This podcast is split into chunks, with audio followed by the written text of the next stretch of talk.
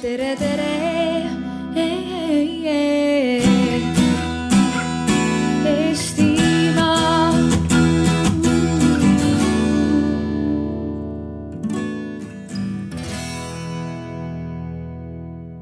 noh, näe, aa, me oleme eetris. ma just mõõdan äh, speed testiga praegu kiirust kuuskümmend viis megabitti sekundis. edukas. edukas jah mm. Mhm. tere hommikust kõigile. Ja meil on äh, näha, et teid on siia nii arvukalt kogunenud. Taavi Kotka, Hendrik Roonemaa alustavad siis oma tavapärase, täna on laupäev, tavapärase raadiosaatega, mis on laupäeviti Kuku eetris nimega Restart. ma mõtlesin, ma teen publiku hulgas niisugune küsitluse, et, et kui paljud teist on enne Restardi saadet kuulanud? mõni on ka juhtinud, ma näen enne. väga hea jah, suurepärane, meie tänane vestlus siin äh, muide lähebki ka tänase Restardi saatena eetrisse, eetrisse läheb nii palju, kui mahub ja ülejäänud läheb täispikkus läheb podcast'i, nii et mõnes mõttes on tegu ka avaliku salvestusega meil siin. ja meie tänane teema on, ma ei tea, kas teie ka näete siin meie selja taga, kuidas Eesti digiedu kihva keerata.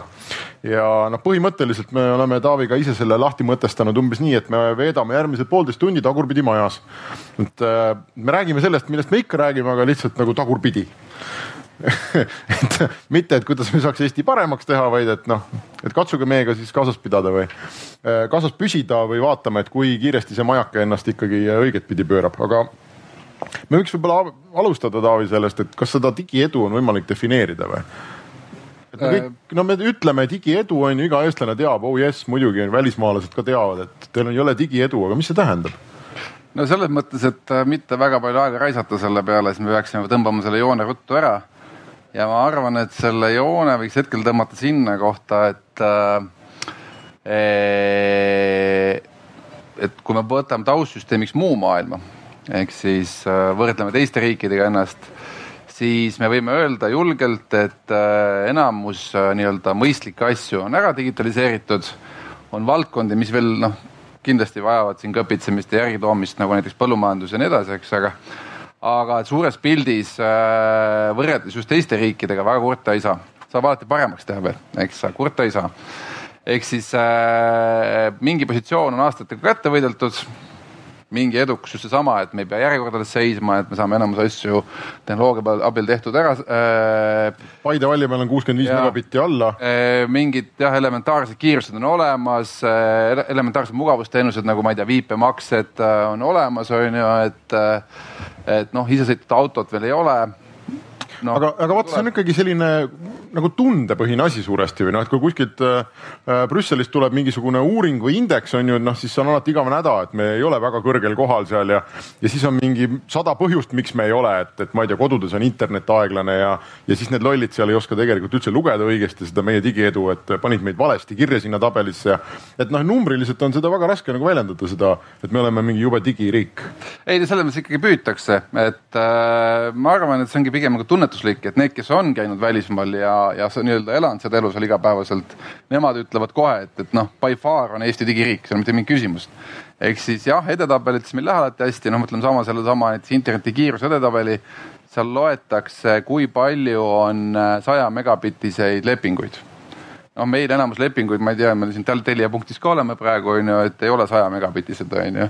ja, aga seda, et kas inimesed saavad ka sada megabitti alla, seda ei mõõdeta. Eks mõõdetakse, noh, Brüssel loeb kokku, et mitu lepingut on mm. -hmm. see, kes on kõige vingem, see on võitja. selles arvestuses number üks on Rumeenia noh, jah, nii, kas see on digiedu? No Aga. Rumeenias on käinud, kes on seal äh, äri teinud või, või olnud, noh, ütleme nii, et me ikkagi tund-, noh, ei pea väga palju tundma, et me oleme ikka eespool aga nad on meist kiiremad, okei okay.. ei no äh, neil on rohkem neid lepinguid, kus on kirjas, et sada mega peaks tulema alla. aga sa arvad, et nad tegelikult ei saa või, et tegelikult tuleb see kakskümmend seda kaheksa? oli juba õppisime oma lätlastest naabrite pealt, kuidas, et Telia ei rääkinud, mismoodi nad müüvad Lätis äh, internetti. okei okay., teine asi, mida ma tahtsin nagu mõnes mõttes raamistada, et, et kui meil on digiedu, on ju, noh, ja ma mõtlen siin nii avalikku kui erasektorit, kõiki, et siis keegi on nagu selle taga või noh, et, kuskilt nagu keegi on selle teinud, eks ole, mingid inimesed või mingit moodi mõtlevad inimesed või mingid asutused või et kuskilt on see nagu tekkinud. kas me võime selle ära raamistada, et noh, et kes selle digiedu meile siis toonud on? aga see on hästi lihtne, et äh, Eesti digiedu taga või põhjus on ikkagi see, et meil on olnud, meil oli see nii-öelda inglise keeles niisugune vahva sõna nagu pain, nagu valu. ehk siis meil oli motivatsioon paarkümmend aastat tagasi, kolmkümmend aastat tagasi, mis sundis terve ühiskonna liikuma äh, digitaalseks mm. -hmm. ja see on seesama, et meil on hästi palju maad ja meil on hästi vähe inimesi ja kui sa tahad siin Paide-suguses linnas näiteks efektiivselt äh, äri ajada, kasvõi pangana, siis jah, mingil hetkel sa pead loobuma, ma ei tea, sularahamaksete või sularahast näiteks on ju. sa pead loobuma võib-olla siin teeninduspunktist ja nii edasi on ju, sest see ei ole nagu majanduslikult efektiivne. sa pead selle asendama millegagi, ainuke võimalus seda asendada on, sa lükkad ta digitaalseks ehk siis äh, siin on, siin on selle nii-öelda, ma ei saa öelda, et näed, et ma ei tea, see minister tegi või see asekantsler tegi või see ettevõte tegi, et me ei saa niimoodi öelda, et see on olnud nii-öelda üldine push. Ja noh, muidugi kindlasti äh, meie startup sektor on ka siin nagu oma, oma panuse andnud ja, ja see, et meie avalik sektor ja erasektor on suht avatud nagu uute innovatsiooni nagu vastuvõtmisel, proovimisel vähemalt. et see kindlasti kiirendab seda digiedu, aga see põhjus on peamine ikka see valu. et mul on Šveits, ma olen Šveitsis olnud sihukest asja, kus ma olen äh,, seletan seda Eesti edu. šveitslased vaatavad, et noh, jõle lahe, aga samas meil on Šveitsis ka jumala hea elu ja, ja miks ma peaksin üldse tegema midagi digitaalselt, on ju. Mhm. et, äh, et miks ma pean mingeid andmekogusid kokku hakkama panema. vahet pole, ma võin viia sinna ühte ministeeriumisse selle paberi, teise ministeeriumisse sama paberi, on ju. mis seal ikka. et süsteem on ja toimib. süsteem on ja toimib, et noh, et mis ma sellest lammutan, on ju, et noh, ta ei ole nüüd nii valus ka, on ju, et, et äh, peab siin järjekorras seisma näiteks, on ju. Mhm. ma mõtlen, et noh, meie Eesti ühiskond, me ei saa aru, mis on järjekord et kui sa oled USA-s korra käinud äh,, istunud äh, kasvõi samas, ma ei tea, Kennedy lennuväljal migratsioonisabas, juba sellest piisab tegelikult, et aru saada, et, et noh, et see on nagu järjekordne kultuur. seal lähevad inimesed äh, selleks, et saada Superbowli mängule, lähevad hommikul, hakkavad seisma kümnest, mäng on kell kuus õhtul ja siis vaat leiutavad igast mänge, sa oled näinud siukest väikest kotti. ei no nad lähevad ka, kui iPhone müüki tuleb vanasti vähemasti, nad läksid yeah. eelmisel õhtul, aga noh, mitte sellepärast, osaliselt ka sellepärast, et yeah. võib-olla muidu poleks saanud, onju. aga, aga mind on alati nagu paelunud see, et kas Eesti inimene no eestlane on kuidagi ta, tavaline keskmine eestlane, me kõik siin oleme kuidagi rohkem, ma ei tea, digikujulised või digisõbralikud või, et kas me oleme mingi teistmoodi ära valitud nagu rahvas, et no vot mujal on ka proovitud nagu teha, aga nemad ei ole eestlased, et vot nemad ikka seda ID-kaarti ei saa tehtud. ei, kindlasti me oleme valitud rahvas, see ei ole küsimust. et äh,. ma juba eile panin tähele, et kerge selline natsionalistlik element igas vestluses toob ikka aplausi aga, ka. nüüd ma vastan selle teise poole ära, et äh, et äh, hästi kiiresti tekkis küll meil noh, kuna samas see kuvand kogu aeg meil käib kaasas on ju mm., et noh, see on äh, president Ilves on seda korduvalt toonud välja, et, äh, et rahval peab olema mingi noh, identiteet või millegi, millega nad ennast seovad. ja, ja noh, sellest digist on saanud meil nagu mingi osa sellest identiteedist, mis tähendab seda, et ma kunagi Uus-Meremaal äh, õppisin pereäride mudeleid, et kuidas pereärisid kokku panna ja siis seal oli üks äh, perekond, kes tegi äh, tandemhüppeid ehk siis noh, lähed äh,, võtad selle inimese endale kõhu peale, hüppad välja, onju. oota, nad tegid omavahel või klientidele? ei, klientidele ikkagi.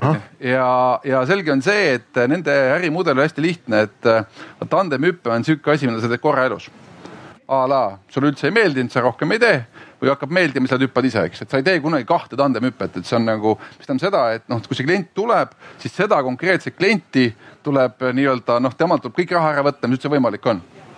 Ja kuna see on nagu lifetime sündmus, siis oleks hea sellest teha video mm. -hmm. nii, nüüd teed sellest video äh,, aga noh, issand jumal ta tuleb sealt taevast alla, tal on süda paha, pea käib ringi, ta saab, tahab sealt kohe minema saada, onju. ma ei jõua seda videot talle valmis teha selleks, et seda üle anda, noh, et seal ikkagi lõikuma ja nii edasi, onju. et on vaja mingit nutikat lahendust, kuidas saada see asi nii-öelda digitaalseks hästi kiiresti. ja nad olid, noh nad selgelt teadsid seda, et nad peavad leidma ühe eestlase, sest need eestlased on kõik ju hullud, need oskavad kõik ID-d ja läksid, äh, see on sihuke Otepää suurune linnak, onju, läksid sinna linnakesse, läksid esimesse baari, küsisid, siin mõni eestlane on. ja oli üks äh, Tallinna Ülikooli tüdruk, äh, backpacker, tõstis käe püsti, et mina olen, väga hea. et kuule, et Balkan, et teeme, tule meile selleks, meil on vaja sihuke nagu video teha valmis niimoodi, et, et kui see inimeselt maha potsatab, onju, siis kohe läheb plaat välja, eks, et koos selle filmiga. ja tüdruk, ta ei teadnud videotöötlust mitte midagi tegi kiire analüüsi, suhtles siin kohalike eestlastega, pani ilusti markerid püsti ja töötab. ehk siis nagu ja oligi, täitsa jäigi sinna elama üldse ja hakkaski seal nagu. oota, võib-olla see eestlaste, et äkki me ei ole nagu äh, niivõrd nagu digiedu rahvas, aga et meil on see palju kiidetud talupojatarkus ja teine, see meie superrelv on vaata see, et iga teine eestlane on maksimaalselt kahe telefonikõne kaugusel. et, et seda ka. nagu noh, võib-olla suuremas riigis on nagu raske hoomata, on ju, et kui sul on vaja jõuda inimeseni X on ju Paide kopameheni näiteks. ja, aga vot siis... nüüd on meil vaja ikkagi rääkida sellest, kuidas see kihva. ja no jah, ja vot, et äh, aga seda juttu on ju, seda kihva keeramise juttu mõnes mõttes on ammu räägitud, et no mina isiklikult kirjutasin vist juba kakskümmend aastat tagasi Eesti Päevalehte artikli sellest, äh, et äh, kas tiiger magab või et kas tiiger on surnud ja ma mäletan äh, jube kihvt pilt oli, mul on see kahjuks ära kadunud. joonistati sinna juurde selline karikatuur, kus olid meedikud kanderaamiga jooksid kiirabiauto poole ja siis kanderaami peal oli see Internet Exploreri sinine E-täht oli suremas, jube lahe pilt oli. ja, ja no minu meelest ta on surnud nagu kakskümmend aastat on see jutt käinud ja, ja no ikkagi päris nagu ära ei ole surnud, on ju. et kogu aeg me noh, nagu lähme edasi ja leiame midagi uut ja nüüd on meil startup'id, mida ei olnud ja et seda, see ei olegi võimalik võib-olla tappa seda või ei olegi, äkki ei olegi võimalik kihva keerata. vot selleks, et me saaksime aru, et kus üldse Eesti on, me peaksime tegema väikselt tõlke ja, ja ma valisin ka seda teemat teades siia mõned näiteid, kus tegelikult on ikkagi saavutatud mingi edu ja siis mingi kas poliitilise või, või, või kohtuotsusega on tehtud mingi liigutus, mis nagu selgelt noh, keerabki kihva. et me saame nendest ka pärastpoole rääkida, aga aga me peame aru saama, et eh, noh, pisikestes detailides, meil kõigil on isikukood. noh, minu oma on kolm, seitse, üheksa, null, üks, kaks, üks, neli, üheksa, üks, kuus. neli, üheksa sellepärast, et mina sain oma esimese passi siit maakonnast ja neli, üheksa on Järvamaa eh, see kood, passikood oli. ja ma ütlen selle avalikult välja, ma ei häbene seda, sellepärast et selle numbrit teades te ei saa mulle mitte mingit kahju teha. ja kui te saaksite, siis tõenäoliselt oleks meil probleem, ma peaksin selle kohe ära lahendama, et, et selle peaks nagu noh, sellise võimaluse peaks kohe likvideerima. midagi sellist on omane ainult Ida-Euroopale, Skandinaaviale, Hiinale, Singapurile. ja vist ongi kõik. no Venemaa ka kindlasti ehk siis äh,. vastikud autoritaarsed riigid. vastikud autoritaarsed riigid on ju, Araabias on ka olemas äh,. ja seda isikukoodi kasutavad kõik, Telia teab seda, on kõik minu andmed riputanud selle isikukoodi külge. pank teab seda, on kõik minu andmed riputanud sinna külge. ja nüüd, kui on vaja näiteks teha sellist asja, et võrrelda, ma ei tea, inimese sissetulekuid äh, tema haridusega või ma ei tea, kasvõi teha automaatne tulu, tulu deklareerimine, siis maksuametil on väga lihtne, ta tõmbab ühe juurest infot, teise juurest, kolmanda juurest, kõik on sama koodi küljes. väga hea plaksti, teil on nagu äh, eeltäidetud tuludeklaratsioon valmis. Äh, sellist asja äh, UK-s, Saksamaal, USA-s teha ei saa. miks? sest pankal on see kood ja riigil on kood. Need ei ole samad. Need ei ole samad ja see, et sa oled nagu John Smith ühes süsteemis ja John Smith teises süsteemis, nime ja aadressi alusel kokku panna ei saa.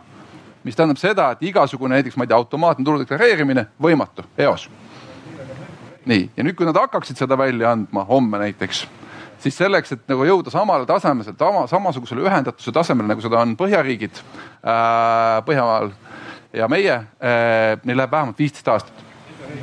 ehk siis, isegi kui me mitte midagi ei tee, siis Saksamaa sellel levelil, kus meie täna oleme, mitte mingil juhul ei jõuaks isegi mitte viieteistkümne aastaga. sellepärast, et nad on otsustanud ära, et seesama kood, mis ma siin lugesin, kolm, seitse, üheksa ja nii edasi, et see on mingi salajane asi ja seda ei tohi mitte kellelegi anda, sest see rikub inimese privaatsust. noh, see on nagu äraspidine arusaam, vot niimoodi saabki kehva keerata digiedu. kui sa defineerid näiteks, et privaatsus on see, et ma ei ütle kellelegi oma digitaalset nime aga see on, äh, ma arvan, et see on nagu sümptom, aga, aga ma olen ka mõelnud, et põhjus tõenäoliselt on mujal. ja põhjus on selles, et ma arvan ja noh, tegelikult ka numbrid näitavad seda, on ju, et eestlane väga, ütleme sellises suures plaanis usaldab oma riiki usaldab oma võimu, kui sa vaatad, et äh, iga aasta ju tehakse neid äh, riigiasutuste äh, noh, usaldusväärsuse mingisugused protsendid on, siis noh, tüüpiliselt Eestil on seal politsei ja kaitsevägi ja, ja need on kõik nagu ülitipus, mingi ligi üheksakümne protsendi juures. sa just ütlesid, et usaldame võimu, ei, ei, me usaldame ametnikke Amet,. ja, ja, ja ma praegu vaatan sinna teise lava peale seal räägivad mingid poliitikud. ja aga, aga ka nende usaldusprotsent Eestis on kõrgem kui äh, mõnes muus riigis, äh, mis, mida loetakse täitsa suureks demokraatiaks. et äh, vaata, meil on nagu, meil ei teki seda küsimust, mis, mis, mis on, mulle tundub nagu ameeriklasse näiteks on ju, on noh, kuskilt maast ja madalast istutatud, et mis asja mingi riik tahab minu kohta midagi teada või? ma pean mingile riigile midagi andma või unustage ära, riik on see, kellest tuleb varjata, nad on imelikud ja kurjad, onju. ja, ja mõtlen, meil ei ole seda. ma mõtlen USA puhul sul on õigus, onju, võta Kanada. noh, ei ole nii nagu äh, noh. okei okay,, me mängime siin pingpongi, võta yeah. Saksamaa, väga kurvad näited sellest, kui andmebaasid tehakse, mis hiljem saab et, et paljudel riikidel on noh, selline nagu vastik noh, kas hirm või siis reaalne kogemus sellega. ma mõtlengi, et siin reaalsus on ikkagi see, et äh, me ei saa seda, et äh, kui me, pealkiri on täna, et kuidas Eesti digiedu kihva keerata et isegi kui me ei hakkaks täna nagu võimu usaldama, siis äh, kuna me oleme seda mugavust ja seda heaolu näinud, siis näiteks seda, et me otsustame Eestis, et okei okay,, et me teeme nüüd isikukoodi salajaseks on ju ja seda võib kasutada ainult maksunduses ja näiteks tervishoius noh, sama näide jälle, et noh, me saame haiglate vahel informatsiooni jagada, ainult sellepärast saame, et, et kõik haiglad kasutavad sama isikukoodi. et oleks nad erinevad, nagu on teistes riikides, ei saaks infot vahetada, eks. et, et selles mõttes nagu me ei lähe sinna tagasi ja siin on üks hea näide. Eh, India tegi kümme aastat tagasi eh, Aadhaari. mis asi on Aadhaar? Aadhaar ongi nagu isikukood eh, kaheteistnumbriline unikaalne kood, igale inimesele antud äh, biomeetria vastu. nii et inimesed käisid, äh, panid oma sõrmejälje ja iirise, said vastu äh, unikaalse numbri, nagu meil on see isikukood. ja kaks tuhat kaheksateist sügis, me olime just Indiasse läinud. Supreme Court, see on siis ülemkohus. ülemkohus otsustas, et neil on muidu sama süsteem, et kõik võisid kasutada, pangad, kõik võisid kasutada seda Aadhaar numbrit ja üldülemkohus otsustas, et, äh, et meie oleme ikkagi, vaatame jätkuvalt veel brittidele nagu alt ülesse ja Britimaal see ei ole lubatud ja seetõttu me ütleme, et äh, Aadhaar läheb ka salajaseks, läheb kinni. ehk siis, et ei tohi, ei tohi kasutada mitte kuskil mujal, kui oligi umbes a la eh, eh, Indias on hästi palju selliseid äh, noh, toetusi a la vaesustoetus, äh, mingi asukohatoetus, rahvustoetus, usutoetus ja nii edasi, onju. et siis, et noh, seal toetussüsteemis, seal võime kasutada ja avalikus sektoris võime kasutada, aga kõik muu kinni. ja see pani, muidu oli India, kes läks nagu nii-öelda nagu, nagu ronis üles oma digiarengu kiirusel meeletute hüpetega aasta-aasta haaval äh,, pani kogu selle riigi põhimõtteliselt digiarengu seisma, kõmaki sest enam ei saanud äh, noh, tugineda andmevahetusele, enam ei saanud seda, et oh, ma teen selle jupi ära, sa tee oma firmas see jupp ära, me paneme kaks tükki kokku, need paneme juba kolmanda teenuse tööle siit pealt. ja, aga vaata, siit me tuleme tagasi seesama, et Eesti seda e-riigi edu ja. on äh, proovitud nii-öelda eksportida noh, ma ei tea, kakskümmend aastat kindlasti, kui mitte ja. rohkem, onju. igasugused erinevad organisatsioonid, firmad, inimesed on sellega tegelenud ja alati nad tulevad tagasi kuskilt, mis iganes stan'ist nad parasjagu proovivad seda müüa. ja siis tulevad tagasi teadmisega, et ei, et noh, sellest ei piisa, et me anname teile koodi ja paneme serverid, onju. et teil on tegelikult ühiskond on vaja nagu järgi tuua. ja, ja, ja kui me küsime, et kuidas seda kihva keerata, siis ma arvan, et esimene koht või esimesed kihvakeerajad on meist siin vähem kui saja meetri kaugusel. ehk et kui äh, Eesti poliitiline võim hakkab tegema mingeid otsuseid mille tulemusena kodanikud ei saa oma noh, ma ei tea, riigiaparatuuri, struktuure, ametkondi, kohtuid näiteks usaldada. meile enam ei tundu see okei okay ja läbipaistev, et, et, et riik võibki nagu tõmmata tšakk-tšakk-tšakk andmed igalt poolt kokku, onju siis see on esimene koht, kus on nagu suur jama, sest siis oleme meie ka kohtus selle küsimusega. Äh, ja siis mõtlen, siis peaks ikkagi järgnema mingid äh, repressioonid kohe, et, äh, et, et siis sa ei hakka usaldama.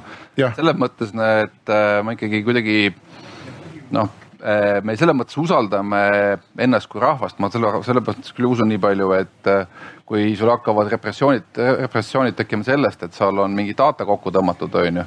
et siis nagu rahvas tuleb tänavatele ja ja, ja mässab. aga need ei pea olema ju. viimane suur mäss üldse, mis oli, oli ju äh,. Akta või? Akta jah, mis oli umbes kümme aastat tagasi või? et kui eestlased üldse tulevad tänava peale märatsema, siis on see IT pärast noh. aga ega need ei pea olema ka mingisugused tohutult suured repressioonid, need ja. tegelikult võivad olla ka ütleme ametkondade kuidas ma siis ütlen, selline innukus äh, seaduse täiel määral rakendamiseks ehk et noh, ütleme kuskilt jooksevad privaatsusreeglid vastu, onju, aga lihtsalt ma võin ühe näitena tuua, et ma ei tea, et kui mul on auto näiteks minu ettevõtte nimel ja ma võib-olla maksan seda erisoodustust, võib-olla ma ei maksa, onju, siis neid kohti kus mind saaks vahele võtta ja öelda, et kuule mees, sul ei olnud töösõit, neid on nagu nii palju. kus su telefon asus, kus sa maksid firmakaardiga, isikliku kaardiga onju, kus sa mingisse kaamerasse sõitsid, igal pool jääb neid maha ja, ja kui seda hakatakse noh, täiel määral nagu rakendama seda, ma ma saan aru, et see minu müstiline isikukood teeb mingeid ringe ümber minu ja see lõpeb alati mingi trahviga. no siis ma ei ole enam väga õnnelik selle üle. selles mõttes äh, üks reaalne koht näiteks tuleks kohe teha paugu ära sulle on see, et äh, täna on seadusega äh, ära reguleeritud kui, see on, mismoodi informatsioon näiteks liigub Maksuameti ja Statistikaameti vahel see liigub alati ühes suunas ainult, see liigub Maksuameti poolt Statistikaametisse, teistpidi ei tohi liikuda mm. -hmm. eks, ja kui näiteks see ära muuta, siis ma arvan, et väga paljudel inimestel on valus korraga. noh, a la näiteks sa oled seal kuidagi võtnud väikest üüritulukest kuskilt on ju tasaks, et äh, ei ole seda kõik ära deklareerinud, eks. et noh, mingid siuksed asjad hakkavad nagu välja jooksma siis, et yeah. äh, et aga, aga mõtle, mina näiteks seda ei usu, et meie võim suudab keerata tuksi meie digiedu, sellepärast et jällegi äh, me ise inimestena oleme noh, niivõrd harjunud selle mugavusega ja inimene mugavusest nagu täna väga loobuda ei tahaks. toome mingi näite.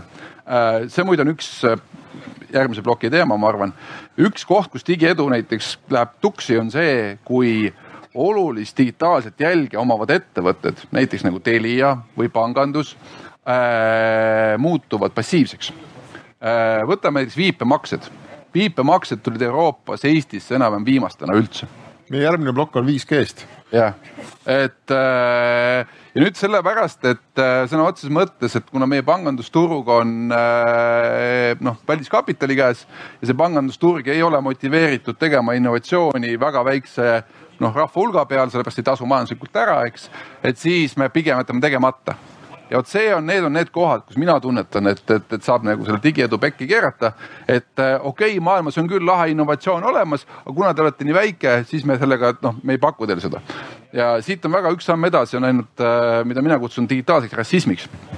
ehk siis äh, maailmas on igasugust rassismi noh, Black Lives Matter on väga suur teema täna Ameerika Ühendriikides, eks aga digitaalsest rassismist me ei räägi ja noh, digitaalse rassismi lihtne näide on see, et äh, ma ei tea, kui sa teed oma lapsele Playstationi account'i äh, riik, mille lähim riik, mis saad valida, isegi ei ole others olemas, on olemas Soome, eks on ju, et äh, kõike kaupa näiteks siia riiki ei tooda, sellepärast et äh, või ei tooda sama hinnaga, mis näiteks Soome läheb, sellepärast et oh, te olete nii pisikesed ja nii edasi. see on rassism. see on see, et me eristame teid sellepärast, et te olete väikesed noh, see on, mis see poolest erineb, et me eristame teid või pakume teile vähem võimalusi, siis teil on teine nahavärv. mis vahet on? et äh, selles mõttes nagu mm -hmm. ja, aga ütlengi, et näiteks nagu noh, mina, mina näiteks kardan seda, et näiteks Swedbanka laiskus täna, neil on viiskümmend protsenti äh, finantsturust. Nende laiskus tegelikult äh, uute toodete väljatoomisel kokkuvõttes pärsib meie pikaajalist digiedu kui nemad kaasa ei tule, siis väga suur osa, ütleme nii, et ega ID-kaart ei läinud meil lendu sellepärast, et avalik sektor tegi ära ID-kaardi. ID-kaart läks lendu alles siis, kui pangandussektor tuli taha. sest igapäevaselt me ei kasuta äh, avaliku sektoriga suhtlemiseks äh,, noh, me, me, meil ei ole vaja suhelda igapäevaselt, pluss meil ei ole vaja selleks ID-kaarti alati onju. et noh, see on sama teema, et mitu korda sa oma autojuhiluba uuendad või mitu korda sa oma äh, ehitusluba taotled onju elus eks versus see, et sa noh, pangaülekannet teed äh, paar korda ikka nädalas on ju või maksad.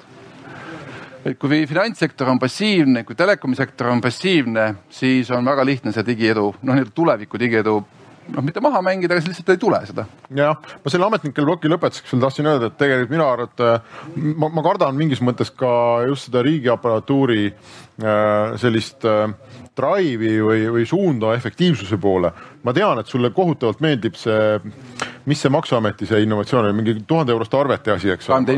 jah, ja, ja, ja ütleme mingi maani ma saan sellega nõus olla, aga kui meil, aga meil on noh, tehnoloogia vaata pakub alati kiusatust ju need lahendused absoluutseks ajada, eks ole. noh, kuni selleni välja, et paneme igale ehitusplatsile siis mingisugused äh, maksuameti väravad on ju püsti, on ju.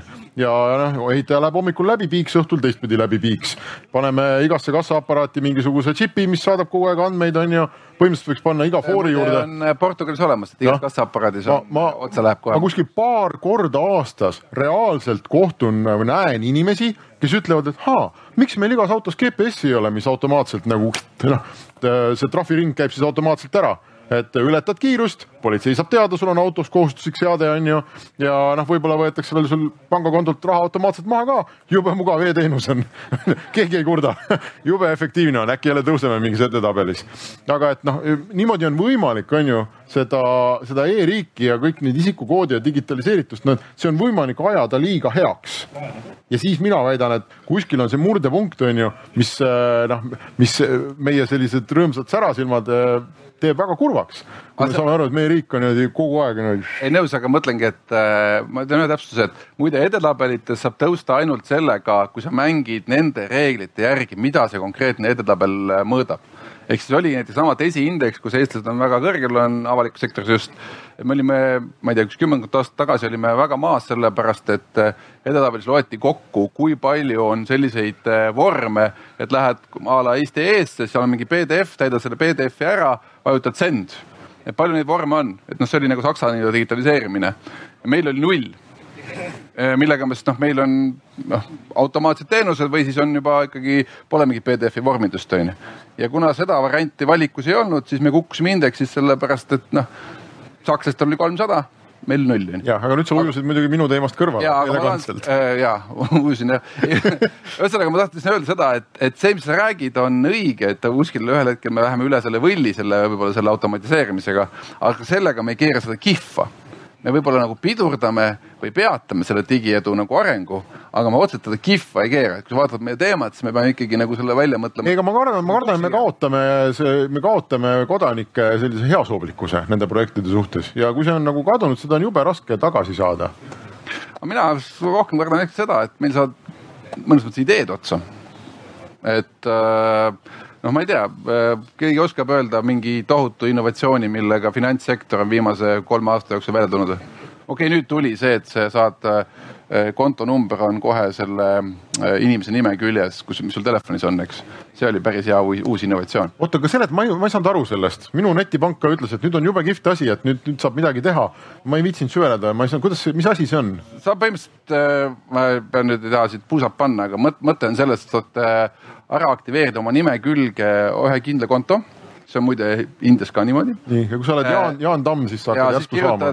kirjutad, ei, ei, noh, sa pead, saad kirjutada, kui sa tahad Taavi Kotkale ülekannet teha, et sa ei pea minuga seda pikka IBAN-i numbrit kuhugi enam panema, vaid see on automaatselt minu nime küljes, et nüüd ütled, ma tahan Taavi Kotkale raha saata ja noh, tuleb ei, aga kui sul, kui sul nimekaim on, mis siis saab? ei, ei selles mõttes sa on ikkagi äh,, suudad seal vahet teha, et äh, okay.. selles mõttes, kui sul on sinu telefoniraamides on kaks Taavi Kotkat, siis ta. aa, okei okay,, see on ikkagi telefoninumbriga ka kuidagi seotud või? ja, ja. okei okay.. aga ühesõnaga, see on, no ütleme nii, näed äh, innovatsioon on, aga näed, sa isegi ei tea. ei, ma ei saa aru sellest päris täpselt. aga ütleme noh, tooge veel midagi noh välja, ongi viipemakse. ei, välkmakse ikkagi, aga see vist on. välkmakse rohkem no see on see, et ma kannan ühest pangast sulle teise raha, see tuleb kohe, mitte ülehomme. tuli kogu aeg kohe, kuni tuli Euroopa Liit ja ütles, et nüüd on meil äh, IBAN. siis läks kolme päeva peale, nüüd on tagasi välki, noh, kohe on edu, on ju, et noh, et, et see aga niimoodi, sa teed, sinust ei saa ikka head poliitikat esimene asi on see, et sa tekitad probleemi ah, okay. ja siis asud kangelaslikult seda lahendama. ei, selles mõttes äh, välkmakse, suudab keegi tunnetada veel mingit äh, publik, on, keegi oskab öelda mingi tohutu edu, mis on pangandus teinud meile? Ma ei tea, meil on äh, mikrofon. Telia viimane edu on, äh, mis väärib äh, märkimist. okei okay,, teil on see televisiooni värk, mis areneb kogu aeg, on ju, salvestamine ja nii edasi, on ju. Tead, mõnes mõttes, kui sa nüüd lähed äh, sinna nende niinimetatud toru, toruettevõtete juurde, kes, kus Telia, ma tean, ja Elisa, nemad ei taha üldse olla, aga no eks nad ikka on natuke. et äh, siis minu meelest kõige suurem innovatsioon on see, et, et see asi on püsti ja toimib ja ei kuku maha see, see on, see on nagu minu meelest see on kohutavalt oluline. me peaksime selle eest plaksutama, nõus, plaksutame. ja, ja et ja kui siin võib-olla innovatsioon on see, et ta on veel rohkem püsti. see on muidugi huvitav, et sa kiidad inimest selle eest, et ta teeb lihtsalt oma tööd nagu, et, äh, et ta ei tee midagi, et me selle eest ei plaksuta, teeks midagi ekstra. aga minu arust siin eile-üleeile oli just äh, ajakirjanduses oli uudis, et ühe olulise Eesti avalik-õigusliku asutuse juhid said kõva preemia, mitu, mitme kuu, mitme kuu äh, palga ulatuses, et see on normaalne no selles mõttes, äh, kui sa. maksta preemiat selle eest, et sa teed oma tööd hästi. ei, vot selles mõttes, et mina ikkagi no me peame natuke kaks sammu sügavamale minema, et Haigekassa tegelikult tegi ju tohutu innovatsiooni see aasta. okei okay,, see oli Covidist tingitud, aga Haigekassa literaali legaliseeris sellel aastal äh, tervishoiu e-teenuse, et sa võid ravida üle interneti, et see sai lubatuks alles sellel aastal.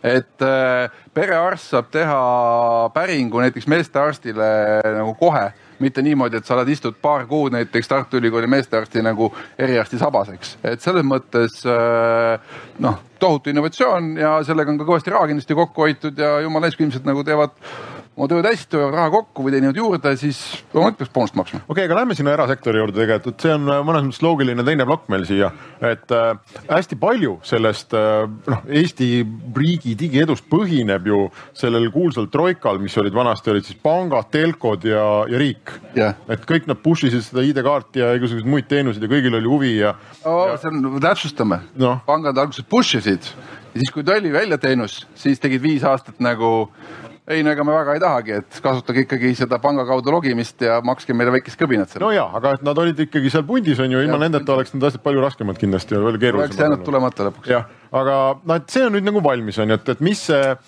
et kuhu sa nagu, kuhu me peaksime vaatama siis nüüd Eestis, et millised asutused täna ma ei tea, ei tee midagi ja see ähvardab siin äh, Eesti digiedu äh, kihva keerata. noh, mõnes mõttes lihtsa tarbijana ma ütleks, et äh, Eesti e-kaubanduse seis on väga veider ja kohati väga kurb. näiteks, aga no ma ei tea, kas see noh, see on lihtsalt kuidagi kurb, et kas see meie digiedu nüüd kuidagi ma ei tea, no see ei tundu nii suur asi. no ma mõtlengi, et noh, jällegi asjad, millest sa ei oska unistada, on, on see teema, et, et noh asi, mida meil ei ole ja mis on täiesti nauditav äh, sealsamas näiteks UK-s või US-is ongi see, et, et äh, ma tahan, äh, mul on täna vaja midagi noh, me tegime ühte saadet Taavet Hinrikusega, Restardi saadet, tal oli vaja mikrofoni. et kvaliteetset mikrofoni, et teha üle neti saadet. ta pani selle e-poest tellimuse sisse ja see oli tal tunni aja pärast nagu ukse taga olemas noh, meil neid teenuseid, kus sa oled ükskõik mis kohas Eestis, tunni ajaga on sul kaup ukse taga, on ju. no Selver nüüd siin ja muud natuke on parandanud seda pilti, eks, aga, aga noh, ikkagi ei saa no.. ei no Eestis on muide reaalselt, äh, see on üks asi. Yeah.. teine asi on see, et äh, mida rohkem kaubandus kolib netti, nagu sulgudes on seal väga halb ja aeglane, äh, seda vähem on neid kaupu füüsilises poes. ehk et mitte, et ma ei saa netist tellides tunni aega kätte, vaid Eestis on pahatihti olukord, et ma ka ise poodi minnes ei saa tunni aega kätte, sest poes ei ole midagi, kõik asjad on Poola laos. Ja, ja, ja tulevad sealt siis, kui tulevad, on ju. aga ma mõtlengi, kui sa võtad seda, siis selle koha pealt näiteks on, äh, kui nüüd võrrelda, siis äh, UK on oma digieduga ütleme saja punkti süsteemis üheksakümne peal. meie oleme, ma arvan, ma ei tea, kakskümmend viis või kolmkümmend eks. tead, aga no selles mõttes, et äh, loodus ju tühja kohta ei salli, on ju, et noh, sa siin äh, kurjustad Swedbanki peale. noh, LHV on pool sammukest ees nendes asjades, Apple Pay on, noh, tuli enne ja, ja nii edasi. ehk et mina, ma väidan, et, et erasektori mõttes keerab Eesti digiedu kehva, kihva see, kui, äh, kui turule ei ole võimalik tulla uutel tegijatel, kes tahavad asju teha paremini kes alguses on väiksed, mis iganes põhjusel ei ole. on need regulatsioonid või on see, et äh, ma ei tea, äh, rahastust ei saa või, aga ma ei tea, kas meil on praegu päris see olukord, noh te, telko turule on keeruline tulla, nagu me näeme, aga noh no 5G litsentse antakse välja kokku vist kas neli tükki või? et äh, või kolm, kolm. ei no on ju see. Telekom ei saa praegu, kolm on. saab, saab. saab või? no nüüd konkurss tehakse nelja peale ümber. tehakse aa ah,, okei okay., ja vaatame jälle sinna teise sellesse telki et eh, no näed, siis saab, onju, et eh, põhimõtteliselt viiendat enam ei saaks tulla, onju, et selles mõttes nagu teatavaid piiranguid on. aga kuskil on see mõistlikkuse piir ka, et igaühel ei peagi andma nagu no, kätte. nojah, aga selles mõttes, et kui sa näed, eks ole, et mida nagu erasektor saaks nagu teha, et kui turul on mingisugune selline probleemne koht, et kas et mõnes mõttes see läheb ka võib-olla korruptsiooni noh maile juba, et kui mina olen mingi suur tegija, istun täna siin turu peal ees ja nüüd mingi pagana kärbes tahab tulla siin minust paremini äri ajama. ei, ma tõmban ministeeriumisse praegu ühe kõne ja midagi ta ei aja no,. aga, selle, seda õnneks ei ole Eestis. mõttes on, äh, ise istume siin patupehsas praegu onju, et me istume Telia telgis onju. Äh, enamus äh, võrku on Telia käes, Telia rendib, peab rentima seda või andma selle kasutusele ka teistele pakkujatele. küll aga saab määratleda selle hinna, eks, et millega nagu seda teenust pakutakse, eks, et et selles mõttes äh, no näed, ikkagi on nagu teatavad, teatavad piirangud olemas ikkagi.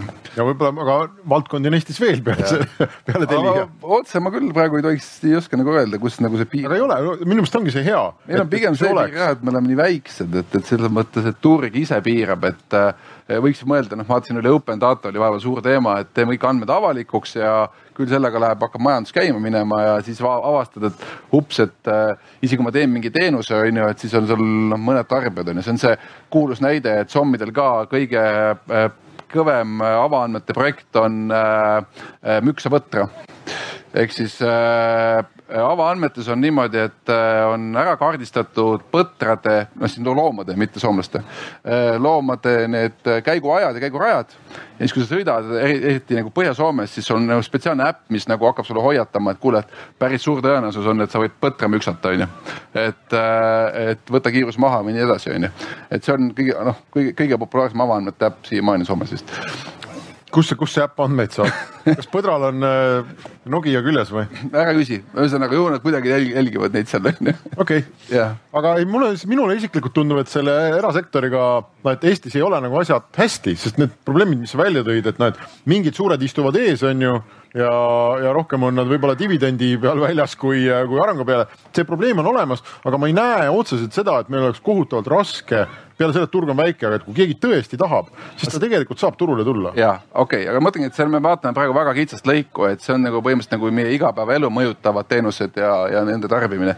et kus me tegelikult oleme maas ja kus ikkagi äh, ütleme nii, et kui me investeerima ei hakka rohkem ja läheb ikka asi päris kihva, on, kui me läheme nüüd sinna ettevõtlusesse sisse, ehk siis a la võtame meie põllumajanduse näiteks, et äh, kui palju meie põllumajandus on automatiseeritud.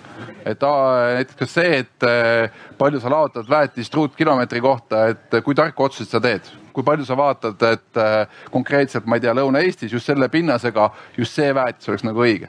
ja seal tegelikult noh, siukse digitaliseerimisega sa saaksid saavutada ikkagi nagu kümneid tuhandeid eurosid või sadu tuhandeid eurosid talu kohta nagu kokkuhoidu, eks.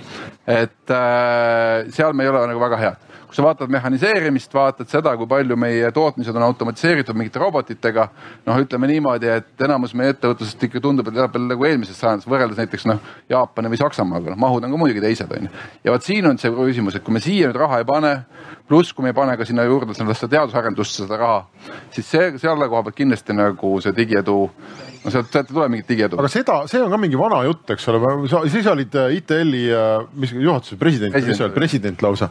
et see oli ka see aeg, kui otsiti kogu aeg neid võimalusi, et noh, et me oleme siin jube ägedad IT-ettevõtted, me oskame nii hästi progeda. näed, sul on, ma ei tea, diivanitehas, et noh, lubame progeme, progeme sulle midagi, onju. me õudselt tahaks sulle midagi progeda. ja diivanitehas ütles, et äh, ma ei tea, et ma teen siin diivaneid, et midagi nagu pole vaja eriti progeda.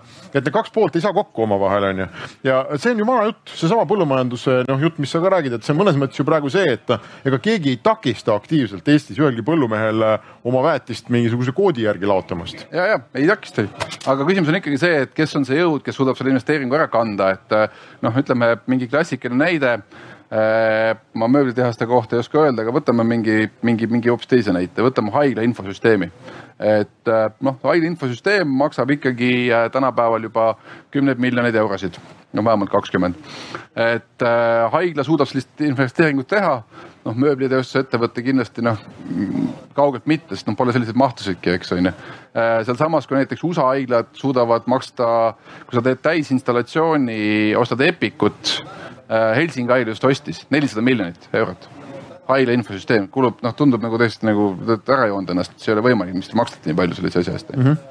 et, äh, et selles mõttes see ongi see koht, et meie enda ettevõtted seda investeeringut ei jõua teha, mis tähendab seda, et nad ikka toetuvad sellele, mis siis mujalt maailmast tuleb, on ju, et noh, et või mis on nagu äh, robotisüsteem nagu peale pannakse või, või tootmis, tootmisliin on ju. okei okay., äh, ma olen siia ühe märksõna enda peale pannud, enda paberi peale, mille, mille peale ma olen viimasel ajal tükk aega mõelnud erinevates kontekstides ja mis minu arvates on ohtlik mõtteviis ja see, see mõtteviis on see, et kui me midagi noh, näiteks riigi asjades e-ga teeme et siis me üritame seda disainida nagu saja protsendi use case'ide peale et me võiksime teha jube kihvti asja, onju, aga siis on koosolek, keegi tõstab käed püsti, ütleb, et aga, et mis siis, kui keegi teeb hoopis nii sellega, et nii ei saa ikka teha. sellest me oleme hakanud üle saama vaikselt.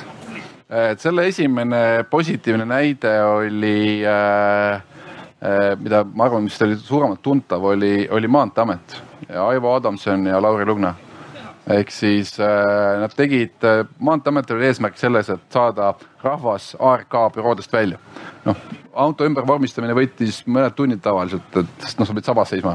Nad tahtsid äh, kokku hoida, nad tahtsid neid büroosid ka koondada, eks ja, ja efektiivsemaks muuta. ja esimene küsimus oli, et kuidas me saame äh, inimesed ise noh, ostu-müügislepinguid sõlmima ja mitte tulema sinna büroosse. no selleks oli vaja seadust muuta, et tehniline pass on võimalik postiga saata ja nii edasi aga nad tegid ka esi, nii-öelda iseteenindust, iseteeninduskeskkondi ja esimesed keskkonnad fail isid kõik sellesama põhjuse pärast, mis sa rääkisid. Nad proovisid sinna toppida kõik võimalikud, ma ei tea, paadimüügid, paadi ümbervormistamised. eestlane müüb poolakale, eestlane müüb itaallasele, ma ei tea, kaks poolakat müüvad, ostavad Eesti sees on ju ja nii edasi. et noh, tohutud variante ja, ja nad ei saanud neid kasutusnumbreid ülesse kui nad tegid selle otsuse ära, et, et kuulge, et äh, üheksakümmend protsenti case idest eestlane müüb eestlasele B-kategooria sõidukit. mis on see M1 või mis on see klass on ju. et äh, teeme selle ära, et see on nagu muah, ideaalne ja kõik ülejäänud lähevad äh, füüsiliselt kohale. ja kui nad tegid selle kitsenduse, siis oli noh noh, see ongi see, kui lähed täna vaatama, väga ilus on, väga lihtne mm. -hmm. Next, next, next ja valmis, ostetud. aga oled sa kindel, et no üks, äh, no võtame nüüd seesama identiteedi on ju, millest me alustasime, sellepärast et kõik need e-riigi jutud algavad sellest, et meil on ID, äh, see isikukood. Äh, see on maailma kõige kihvtim asi, ilma selleta mitte midagi teha ei saa ja kõik need, kellel seda ei ole, on täis lollakad, on ju. et muide, ma vaatasin kella, et meie eetriaeg ah. on äh, läbi. et me ütleme aitäh kõigile eetrikuulajatele. jutt siin jätkub ja kes meid podcast'is kuulab, siis saab ka edasi äh, kuulata.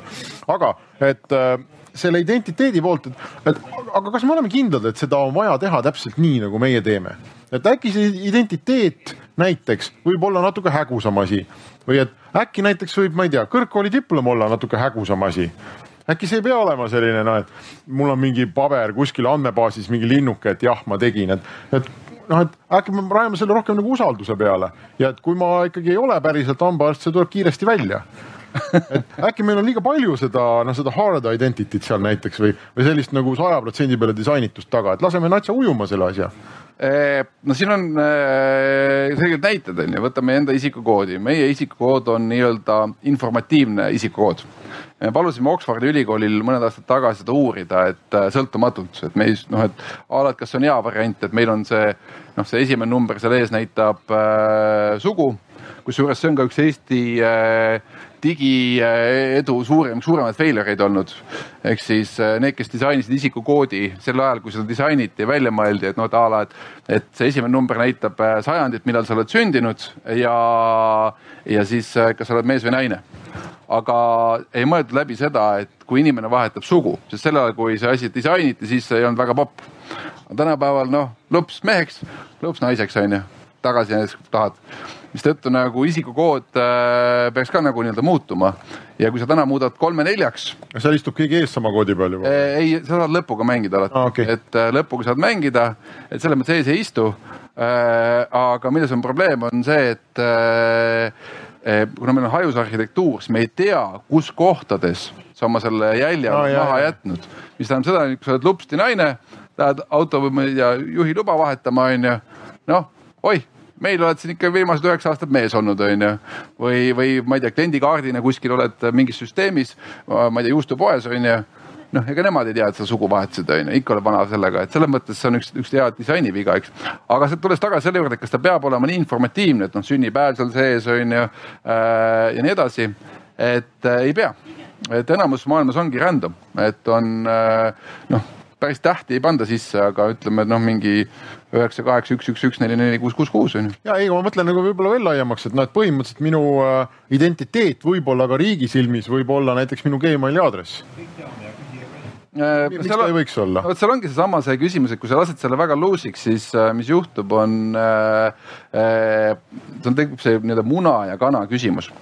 Ehk siis äh, meil ka noh, täna me räägime, et ilma noh, ID-kaardi ja digiallkirjata ei ole või noh, ilma ID-kaarti saab elada, aga ilma digiallkirjata ja autentimiseta ei saa elada, eks, et äh, Eesti, Eesti e-riigis äh, ma ei tea, kakskümmend aastat tagasi ei olnud see nagu nii noh, kaart oli olemas, keegi ei saanud, noh, see ei kõlvanud isegi selle lume kraapimiseks autos mm., ta nii kehv plastik oli, onju, et, äh, et, äh, et sul on sama asi, kui sa teed nagu, lased selle süsteemi väga lõdvaks, siis kokkuvõttes äh, seda ei hakata kasutama vaid ei muutu nagu standardiks. ehk siis siin täna see, et meie oleme, saame nagu igal pool, noh isegi ma ei tea, ma panin katusele päiksepaneelid. Äh, sellega ka seoses saab registreerida ennast energiatootjaks no ma ei tea, kui palju teist on energiatootjad, mina seda igapäevaselt ei tee. ehk siis äh, mõtlesin, et no lähen sinna siis sinna Eleringi kodukale, et äh, noh, kui hull see olla saab. no lähed kodukale, vaatad, oh näe, Smart ID-ga saab sisse logida väga hea, autentimine juba olemas, ei pea tegema nii nagu näiteks USA-s oleks pidanud tegema, et loo kasutaja, eks, pane endale uus parool. siis on sul sada parooli iga keskkonna jaoks on ju. nii, lähen sinna sisse ära, küsitakse, palun toe selle aparaadi pealt oma aparaadi nimi meile palju tootmisvõimsust on ja mis kuupäevast põhimõtteliselt tööle paned, onju. nii, kõik, kolm asja ära, digiallkiri alla ongi tehtud või, olengi energiatootja või? ja ongi, kannab üle, noh, vot see on digiühiskond, eks on ju. et aga see saab juhtuda ainult tänu sellele, et me oleme kokkuvõttes teinud standardi selleks, et nagu ala, kui sa tahad olla vähegi mõistlik äh, veebikeskkond, siis sul nagu ala, ma ei tea, Smart ID või mobiili ID sisse logimine peab olemas olema, eks on ju. ei, ma saan aru sellest, aga, aga et noh, veel kord, et me oleme nagu väiksed, on ju, väike, väike. India on suur ja India on suur. ja neil on sama asi ja sa, ei, kas sa just ütlesid, nad keelasid oma sellist. aga vot see oligi huvitav nüanss, nad hakkasid minuga katkesima ära, nad keerasid kinni ära. Ja siis nägid, mismoodi digiedu hakkab pekki minema ja nüüd on hakanud vaikselt lahti keerama. ehk siis sa esimese sammuga said pangad kõik kohe ligipääsu äh, tagasi, siis said telkod kõik ligipääsu tagasi.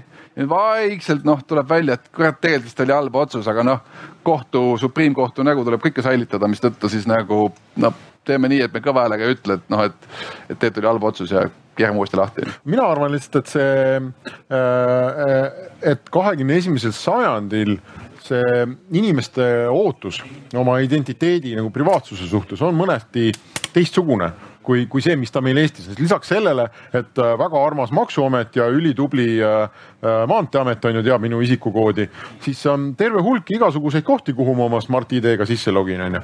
kaasa arvatud mingisugused, ma ei tea, isegi e-poed või, või no ma ei tea, Rimi teab, on ju, mitu, mitu liitrit piima ma nädalas ostan. ja mina tahaks selle identiteediga nüüd natuke mängida.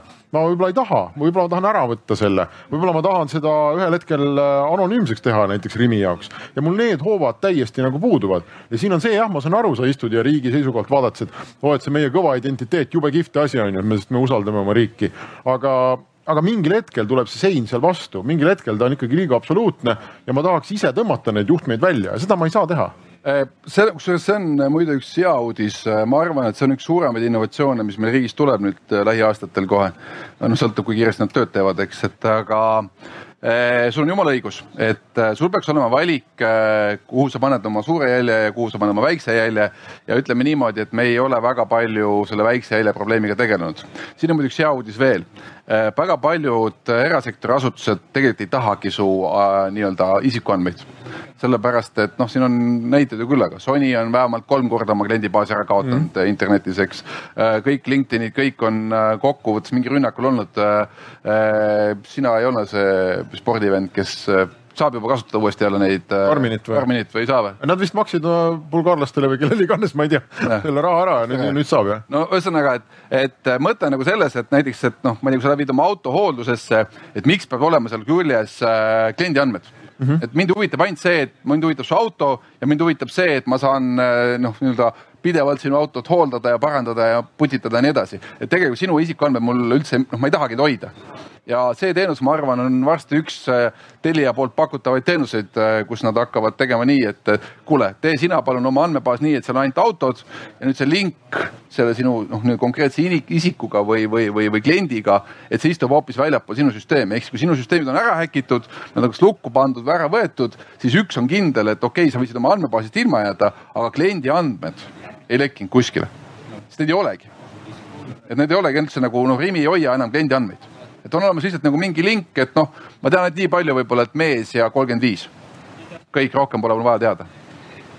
et, äh, et selles mõttes see nagu vajadus äh, andmeid enda kõhu alla kahmata, see nagu muutub. pluss teine, mis innovatsioon ikka, mis oli poole jutt pooleli, mis tuleb, on see, et äh, mis tuleb koos GDPR-iga, et ja mis on ka seesama nii-öelda Põhjamaade privaatsusmudeli alus, on see, et sa ise oled kokkuvõttes otsustav, kellele sa annad informatsiooni, kellele ei anna mm. -hmm. konsendid ja täna sul ei ole ülevaadet sellega, et kellele sa tegelikult oled konsente andnud, noh, ma ei tea, kes jõuab läbi lugeda üldse seda terms and condition'it, noh, mis on seal äh, Microsoftil vist oli üle tuhande lehekülje, et, äh, et äh, noh, see on nagu mõttetu, sa, keegi ei suuda seda nagu jälgida. ehk siis see läheb selles mõttes nagu hästi lihtsaks, et sul on põhimõtteliselt nagu noh, üks äpp, kus sa saad sisse vaadata, et okei okay,, kellele ma olen konsenti andnud, mismoodi need on andmed kasutatud, on ju, kes on kasutanud, kes on küsinud. umbes samamoodi nagu täna digiloos lähete, loete sisse, vaatate, mis arst on pärinud sinu, sinu andmestikku, eks. ja teistpidi noh, vaata noh, meil on täna äh, tervishoius see päris hästi ära tehtud see, et, et sa ei pea iga arsti juures alustama nullist seletamas, et noh, kas sul olid äh, äh tuulerõuged kunagi või ei olnud, on ju. et seal on ikka sul informatsioon on olemas ja nüüd, kui sa tahad midagi varjata siis sa katad mm. -hmm noh, et me saame Eestis ju katta tervishoius, ma ei tea, kuni veregrupini on ju, et noh, et põhimõtteliselt kui oled kuskil liiklusõnnetuses ja on vaja hakata nagu sinuga tegelema ja verd kandma, et siis kui oled selle kinni katnud, ise oled loll on ju, et siis tuleb uuesti uued testid teha. jah, no ühesõnaga, et kui me jälle katsume teemale tagasi tulla, et, et siis äh, ma esitan väite, et kui me oma neid e-riigi aluseid perioodiliselt nagu noh, ei challenge'i või ümber ei vaata. ei täienda jah? ei, ei täienda või ei parenda või ei vii kooskõlla uue aja ootustega, et noh, siis on nagu jama ikkagi käes kusjuures me proovisime seda forsseerida ju äh, sel ajal, kui mina veel riigis töötasin, et äh, me töötasime välja siukse asja nagu no legacy policy. no eesti keeles seda ei olegi võimalik telk, tõlkida hästi, et äh, ühesõnaga reeglistikku, mis ütles, et meil ei tohi olla ühtegi avaliku sektori äh, süsteem, infosüsteemi, mis on vanem kui kolmteist aastat et miks kolmteist, no me tegime testi, helistasime läbi äh, nii palju, kui me teadsime maailmas erinevaid IT-gurusid, kuskil äh, ma arvan, et seal tehti üks viiskümmend, kuuskümmend intervjuud inimestega ja see oli sihuke nagu äh, noh, loogiline koht oli see kolmteist, et see oli umbes nii, et kümme aastat süsteem, riiklik süsteem suudab elada suhteliselt okeilt. ja siis, kui hakkad muutma, siis peaks nagu niikuinii seadust muutma ja see võtab ikka aega, umbes mm -hmm. siis tuli see kolmteist. ja me panime selle rahastustingimustes sisse, et juhul kui sa tulid euroraha küsima oma IT-projekti jaoks ja sul oli seal sees väide, et noh, ma muuhulgas kirjutan selle ümber või parendan, eks, et ma teen seda nõu legacy't, siis oli suurem tõenäosus raha saada. et see oli nagu konkursi lisatingimus. ma arvan, et see on hästi oluline, see ka eristab meid, äh, mis näiteks täna ei lasegi, ma ei tea, UK-l või US-il nagu äh, oligi, ma ei tea, Covidi ajal oli suur probleem. Neil oli, ei jätkunud äh, progejaid, meil oli vaja Coboli progejaid.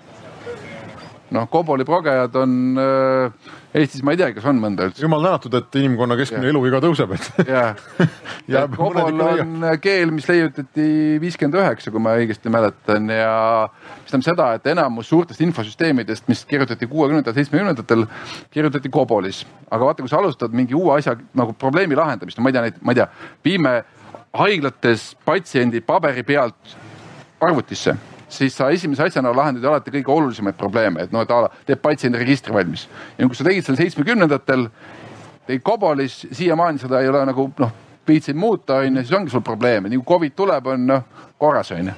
ehk siis, et sellega seda juhtuks, siis meil on jah, see nii-öelda no legacy policy iseenesest olemas, aga ta ei ole seadus, ta on äh, printsiip mm. -hmm. ehk siis seda on mõistlik jälgida, aga kui seda ei tee, siis keegi kinni ei pane.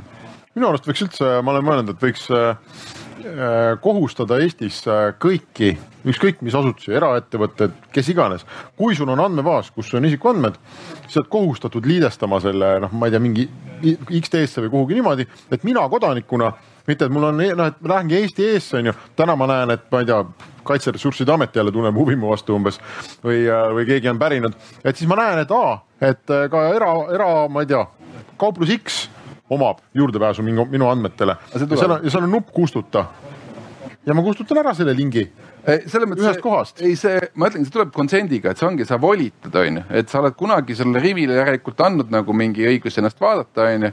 ja sul on see meelest ära läinud, et ja see tulebki GDPR-iga tuleb tegelikult see kaasa, et, et sa hakkadki nägema oma volitusi, oma kehtivaid volitusi ja sa lõpetad selle volituse jah, et sa mitte ei kustuta, vaid sa lõpetad. no ma tahaks selle oma kola nende baasist ära ka kustutada, oma, oma keefirid. aga ütleme, ega selle suur tee on ikka minna, et kes Eesti ees on kunagi käinud äh, minge vaadake, andmejälgija on seal olemas, äh, mis peaks tegelikult andma seda ülevaadet, kes avalikus sektoris siis sind nii-öelda vaadanud on, eks, et äh, minu meelest ta päris hästi veel ei tööta, et, et seal on ikkagi, on, on juhtumeid, kus, kus sa ei saa nagu ma, ma, ma keeldun uskumast, et see töötab valad äh, veatult, aga võib-olla ma teen Riiale liiga praegu. siin on ka ruumi muide selliseks erasektori innovatsiooniks, et üks tuttav advokaat rääkis mulle, et tema teeb kord aastas, tal on selline standardvorm, digiallkirjastab ära ja saadab kõikidele Eesti jõuasutustele, kas teil on minu kohta midagi? Regulaarselt kord aastas. Ja noh, nad on siis kohustatud vastama, onju, kui seal noh, parasjagu ei ole mingi aktiivne menetlus näiteks või midagi okay. sellist. Yeah.. aga, aga lähme edasi, me startup idest ei olegi rääkinud veel eriti siin, et äh, nendega meil on hästi, ma saan aru kuule, aga ma võiks enne korra rääkida seda, et, äh, et minu meelest käib kogu aeg, siin oli mõni nädal tagasi oli tohutu poleemika, et kas äh, nelikümmend kaheksa Soome kriminaali, kes on kogemata saanud e-residentsuse, on ju, et kas nemad suudavad kihva keerata Eesti digiedu ja mm. ütleme nii, et ajakirjandus, kui vähemalt kui lugeda neid juhtkirju, siis Äripäev, Postimees, Päevaleht olid kindlasti seda meelt, et noh, et põhimõtteliselt see, et kui me laseme pätid oma süsteemi sisse, et siis see keerab kokkuvõttes meie digiedu pekki. et ma võiksin nagu küsida sinu käest üldse, et, et äh, miks ajakirjanikud arvavad, et see meie digiedu või see, mismoodi me nagu rahvana oleme harjunud käituma või naudime seda keskkonda, et miks on võimalik seda nagu lihtsalt nii, noh, see on mingi, mingi paari päti pärast nagu, nagu kohe korstnasse kirjutada ma. kust see mõtteviis tuleb üldse? see tulebki sealt saja protsendi pealt, mis ma enne rääkisin. ehk et see on see laiemalt nagu küsimus, et kas siis riiki saab nii valitseda. saad aru, riigis peab olema kord. peab olema. samas tahaks natuke lõdvemaks lasta. ühe, ei no noh, saad aru, kõik peab olema by the book on ju yeah., et, et kui on nii, siis on nii, kõik peavad olema andmed, ma ei tea, kõik andmebaasid, kõik peavad olema korras, kõik peab olema sada protsenti alati ja nüüd tekitada olukorda, et me teeme mingi riikliku teenuse, kus on, palju seal on praegu neid e-residente? seitsekümmend tuhat. nii, aga nendest nelikümmend kaheksa on pätid. soomlastest. aa, tegelikult on rohkem. ja rohkem on jah. noh, võib-olla on näiteks nelisada kaheksakümmend pätti seitsmekümnest tuhandest. ma arvan, et on umbes. või neli tuhat kaheksasada. ma arvan umbes kaheksasada siis jah, seitsesada. nii, seitsesada, saad aru, riiki ei saa nii valitseda. kui sina tahad omale teha siin seda hamburgeribussi ja osad tüübid jooksevad hamburgeriga minema, raha ei anna no sinu probleem on ju ja sa arvestad selle enda jaoks läbi, et noh, et sajast üks paneb hamburgeriga minema, on ju. okei okay,, suva, kannatan ära, aga riiki ei saa niimoodi valitseda, on meil tunne ja see on seesama minu saja protsendi jutt. aga vot see ongi naljakas, et kui kahepalgeline see ikkagi see ajakirjandus on, on ju, et ühelt poolt nagu tundub, et kui on nagu mingi pättus, siis kukub maailm kokku, et noh, näala seitsesada pätist e-residenti hukutab Eesti digiedu, on ju. sealsamas äh, meil on äh, noh, käputäis rahapesijaid, on ju, kes tõenäoliselt ükski polnud e-resident, on ju, kes loputas siit läbi äh, sadu miljardeid äh,, mis on nagu suurim, noh, by far suurim skandaal, mis on Eestiga seotud üldse viimase kümne aasta jooksul. tunnete kuidagi, et digiedu on nagu kokku kukkunud või? ei ole, ühesõnaga me oleme saanud, meie finantssektor sai hakkama läbi aegade Eesti ajaloo kõige suurema sigadusega üldse maine mõttes. ja me isegi noh ma ei tea, noh, ma ei tea, keegi häbi-häbi on teinud Swedbankale või, või Danskele või et...? ei no see on, vot see on, see on liiga suur no.. ei no aga ongi nagu, nagu naeruväärne. sellest ei saa kinni. nagu nelikümmend kaheksa Soome nagu, nagu kriminaalse taustaga inimest onju, nemad suudavad selle kõik pekki keerata, aga sajad miljardid, mis juba on ära toimunud, juba on pestud, juba on risti löödud, me oleme saanud äh, välismeedias äh,, kes see siin alles hiljuti kohtus äh, äh meie mingi tuntud poliitik kohtus äh, USA föderaalpangaga äh,, mis nad teavad kahte asja Eesti kohta. Te olete ilged rahapesijad ja te olete kõva e-riik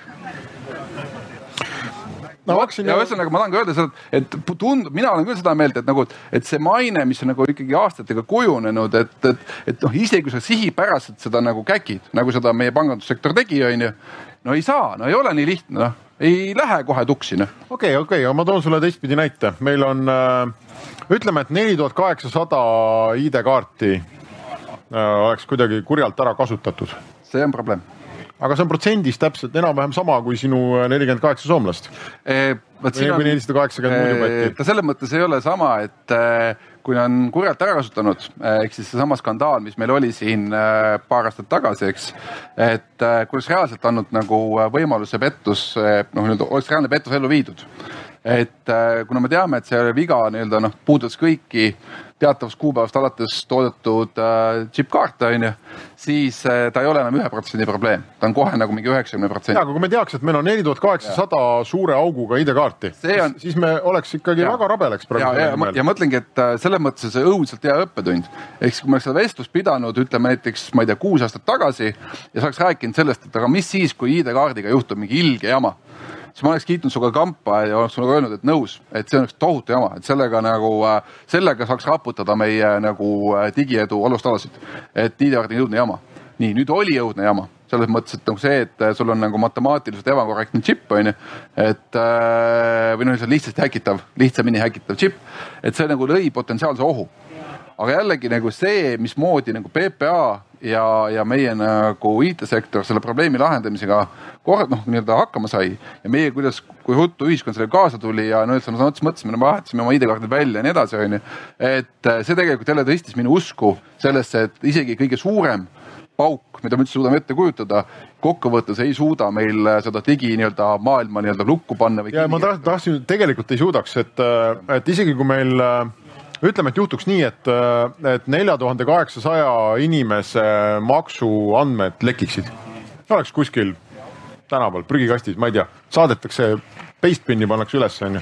siis äh, mina väidan, et äh, okei okay,, tuleks nagu jama, onju, ilmselt tuleks artiklid, aga mitte ükski tõsiseltvõetav inimene ei teeks ettepanekut, et paneme selle e-maksuameti kinni ma ei usu, see ei ole võimalik. selle küll, aga mõtlen, kui me tahame nüüd nagu tulle visata midagi, siis ma arvan, valimised on küll sihuke teema, kus äh, kui lekiksid näiteks äh, e-valimiste tulemused. jah, siis oleks kohe kinni, onju. selles mõttes tulemused, ma tean, et näed, Hendrik valis selle kandidaadi. aga valimised on üldsegi äh,, mis aga kas me nüüd arutame selle, kas need teoreetiliselt saaksid lekkida ei saa? ei saa, vot.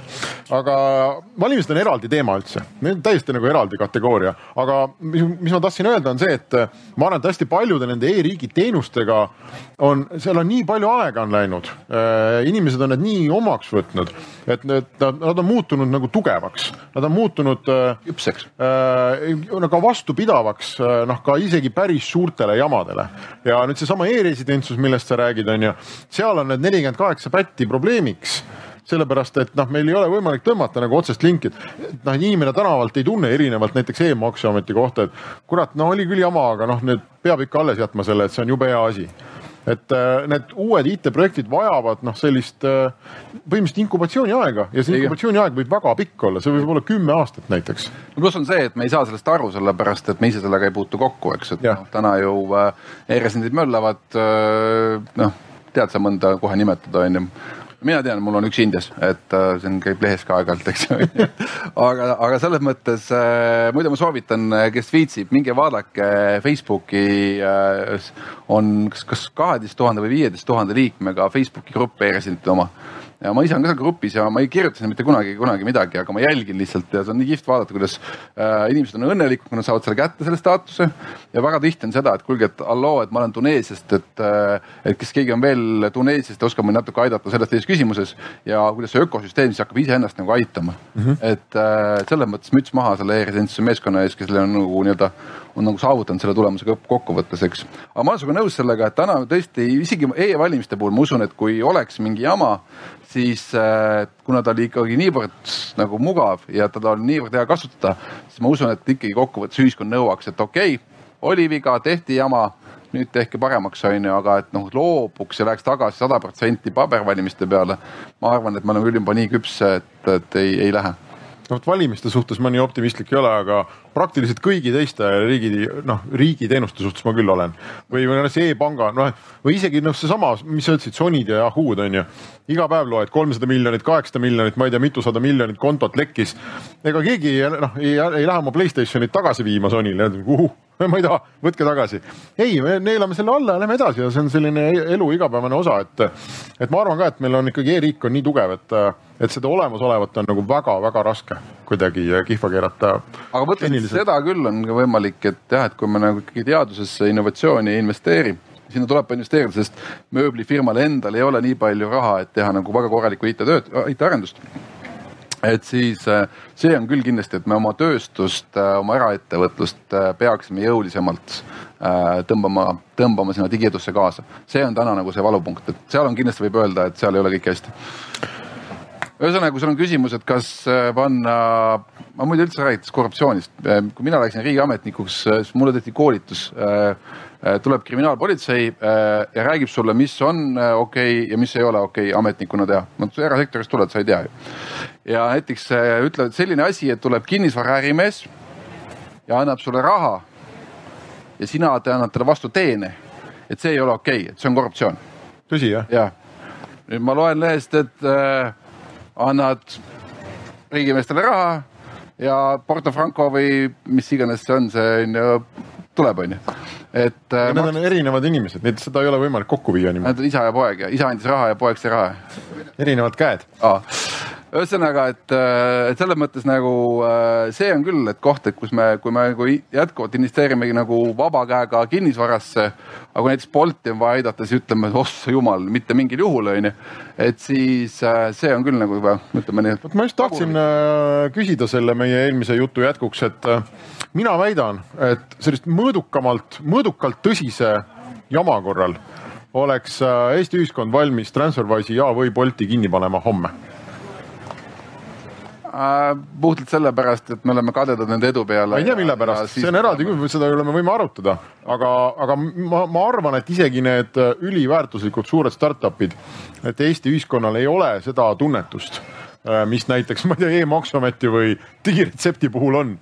et, et keegi ei astu selle kaitseks välja kui, kui on vaja astuda. selles mõttes meil on täna nagu siin on ikka unikaalne võimalus, et me saame publikust küsida, et, et kui näiteks homme tuleks selline teema, et, äh, et Eesti teeb sama nagu noh, soomlased alles hiljuti läksid ju, äh, lubasid Boltid ja Uberid enda turule, eks, et kui homme tuleb otsus, et äh, ei, äh, jagamismajandus on out, enam ei tohi ainuke variant sõita taksoga nii nagu vanasti, et helistad Kiisule mhm. tuhat kakssada on ju, tuleb kohale ja saad maksta ainult sulas nagu Saksamaal. Saksamaal on siiamaani palju piirkondi, kus saab ainult sulas maksta. nii, läheksid tagasi või läheks? ei no mis nemad ei läheks, aga ja.... ei no jaa, aga sa ütled, panen Bolti kinni on ju. no, no paneme kinni noh. sa, ega ise ütlesid ka loodus tühja kohta ei salli, et noh, tuleb mingi uus nagu nimetusega ei no see ja muidugi see võtab ja. kõik nagu aega, aga või et noh, ma ei tea, kuskilt hakkab tekkima mingi seaduseelnõu, mis ütleb, et Transferwise äh, kahtlane klientide taust, ei tea, kus see mingi rahastus on üldse sinna tulnud. no Transferwise on muidugi Briti ettevõte, selles mõttes on väga raske midagi teha sinna. no aga paneme Eesti kontori kinni, võib-olla näiteks on mingisugused, noh, ühesõnaga, kui on mingi jama, mingi.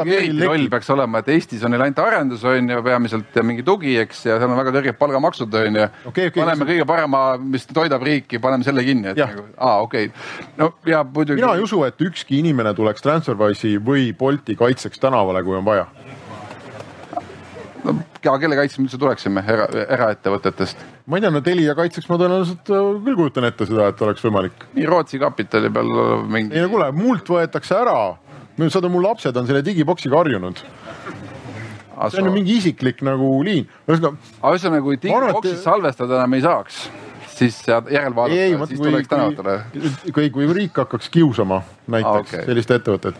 ühesõnaga, ma tahan öelda seda, et minu meelest ei ole Eesti ühiskonnal äh, väga head sellist äh, küünarnuki tunnet nende miljardi ettevõtetega ei, selles mõttes on sul kindlasti õigus ja pluss on see, et ikkagi neil läheb kuradi hästi ja, ja teatavasti me oleme eestlased, mis tähendab seda, me oleme kadedad. ja kui kellelgi läheb hästi, siis tuleb seda sealt äh, tornist nagu maha tirida või kui näiteks, okei okay,, ma toon, võib-olla on tõenäolisem variant, et kuskilt hakkab ringnema seaduseelnõu, mis ütleb, et kõik need äh, kolmekümne kaheksast riigist pärit äh, progejad ja muud tüübid, kes siin äh, Tallinnas töötavad, on ju, tuleb nädala aja pärast koju saata. see oleks küll nõme jah, selles mõttes see on küll probleem. ja kas sa arvad, et keegi tuleks tänavale? mida, mida lehed kirjutaks?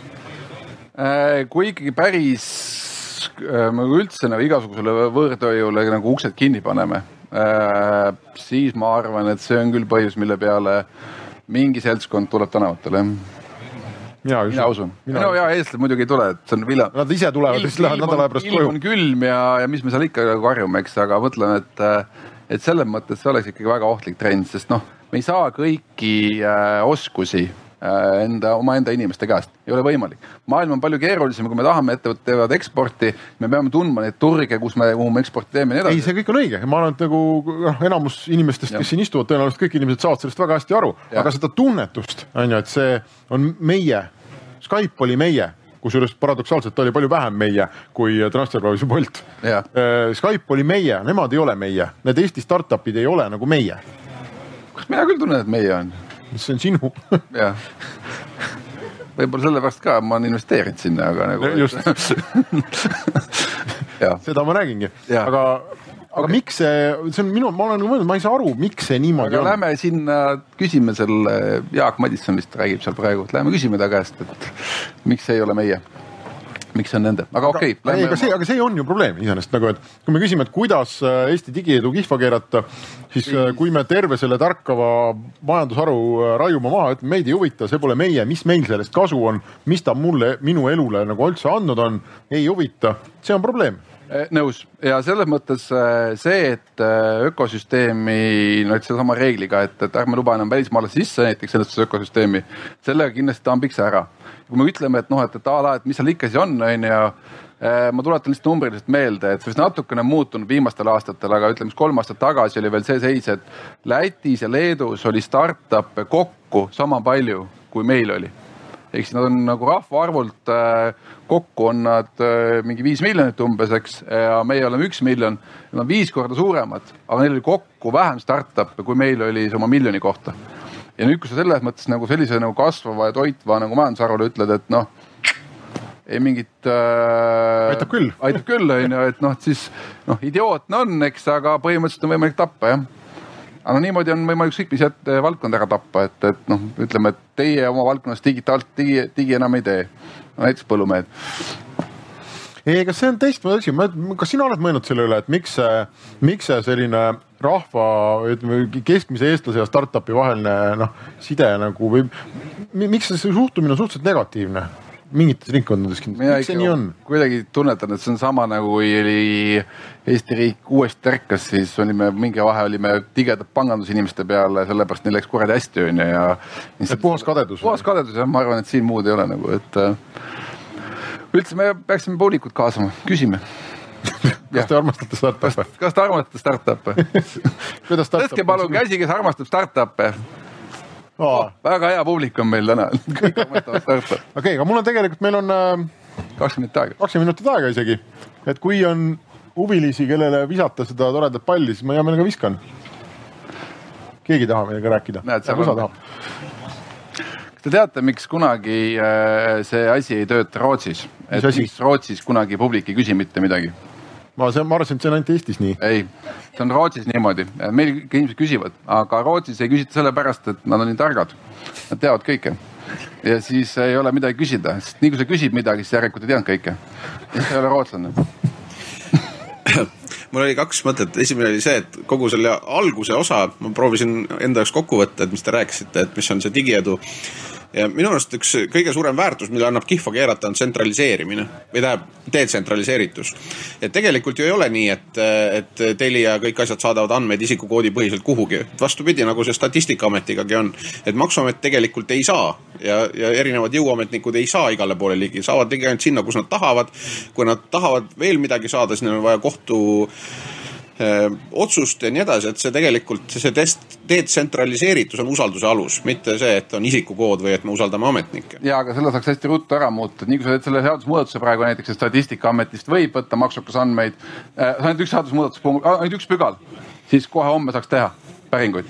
et selles mõttes jah, igast asju saaks teha, aga lihtsalt, et see, seda me täna ju kaitsemegi, et see ongi, kui me tahame vältida kihva keeramist, siis me peame kaitsma detsentraliseeritust ja pigem juurde keerama, et see kohtuotsused ei tuleks niimoodi sekretäri templiga täna äh, kohtutest. õige, aga ma mõtlengi, et Saksamaa on seal kavalamat, ehk see ongi niimoodi, et a la kui sul on need John Smithid erinevate koodidega erinevatest süsteemidest, siis isegi kui seadust muuta, ei ole võimalik kokku panna, sellepärast et sa lihtsalt ei tea, et kas on seesama äh, Hans Müller või ei ole pluss on see, et kui sa näiteks liigud ühest regioonist teise, kui sa näiteks Hamburgist lähed elama Münchenisse, siis kogu su ajalugu kustub.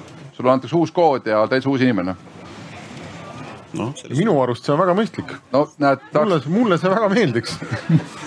ja teine asi, ma tahtsin öelda, et e-kaubandus on ikkagi tegelikult äh, Covidiga küll ikka võimsalt arenenud, et kõik see, mis aastaid oli võib-olla see stagnatsioon. tahtsin jagada lihtsalt kogemust, kus ma ärkasin hommikul kodus üles ja mul tekkis maasikaisu ja siis ma vaatasin, mis internetis on. No Bananas ütles, et kirjuta Messengeri ja. oma aadress ja postita sinna oma see mm, ma, ma, maksekorralduse pilt, mis sa mobiilist võtad. siis ma tegin niimoodi, kirjutasin aadressi ja, ja kahe minuti pärast helistas mulle kuller ja ütles, et ta on viie minuti pärast kohal. nii et mõttest maasikate peale kuni reaalsete maasikateni läks üheksa minutit. ja, aga vot siin on, ma olen sellesama selle kogemuse saanud, tõesti väga kihvt onju aga see on see, kahjuks on see, et, et, et vaata eesti keel on sihuke keeruline keel onju, et noh kirjutad Circle K on ju, loed Statoil on ju. et, et samamoodi, et nagu mõtled maasikatele, et Eestis toimib, tegelikult elad Tallinnas, eks on ju, et ma ei tea, kas Paides saab niimoodi, et mõtled maasikatele ja saad nagu üheksa minutiga. ehk siis see noh. Paides sa lähed oma aheda ja korjad no,. et meil on need kaks Eestit on ju, et, et, et see edu ja, ja, ja, ja, ja võimsus, mis on no nii-öelda noh, seal, kus on turg versus see, et mis on muu et kuigi need vahemaad on tegelikult ju siin praegu tulin, uus tee on lahti nelikümmend minti, eks, et äh, noh, ikkagi väljapool seda peale. ma ei saa ikkagi aru, ma vaatasin, et nüüd üks päev Jüri Ratas oli käinud Viljandis ja, ja käis Cleveronist, astus ka läbi. ja siis Cleveronis uuesti räägiti talle seda mõtet, et no halloo, et võiks nagu Eestisse panna igasse külla selle pakiautomaadi. me oleme sinust, sinuga saate sellest ja, teinud ja, ja see on mitu kuud vana mõte ja see nagu kogu riigi kontekstis, see summa on ju tühine see oli, tuleta meelde, kakskümmend miljonit. suht väike jah. noh, et see ei ole nagu väike raha, aga lihtsalt terve riigi, sa mõtled, mida see kõik võimaldaks teha. ei, aga me kõik arutame.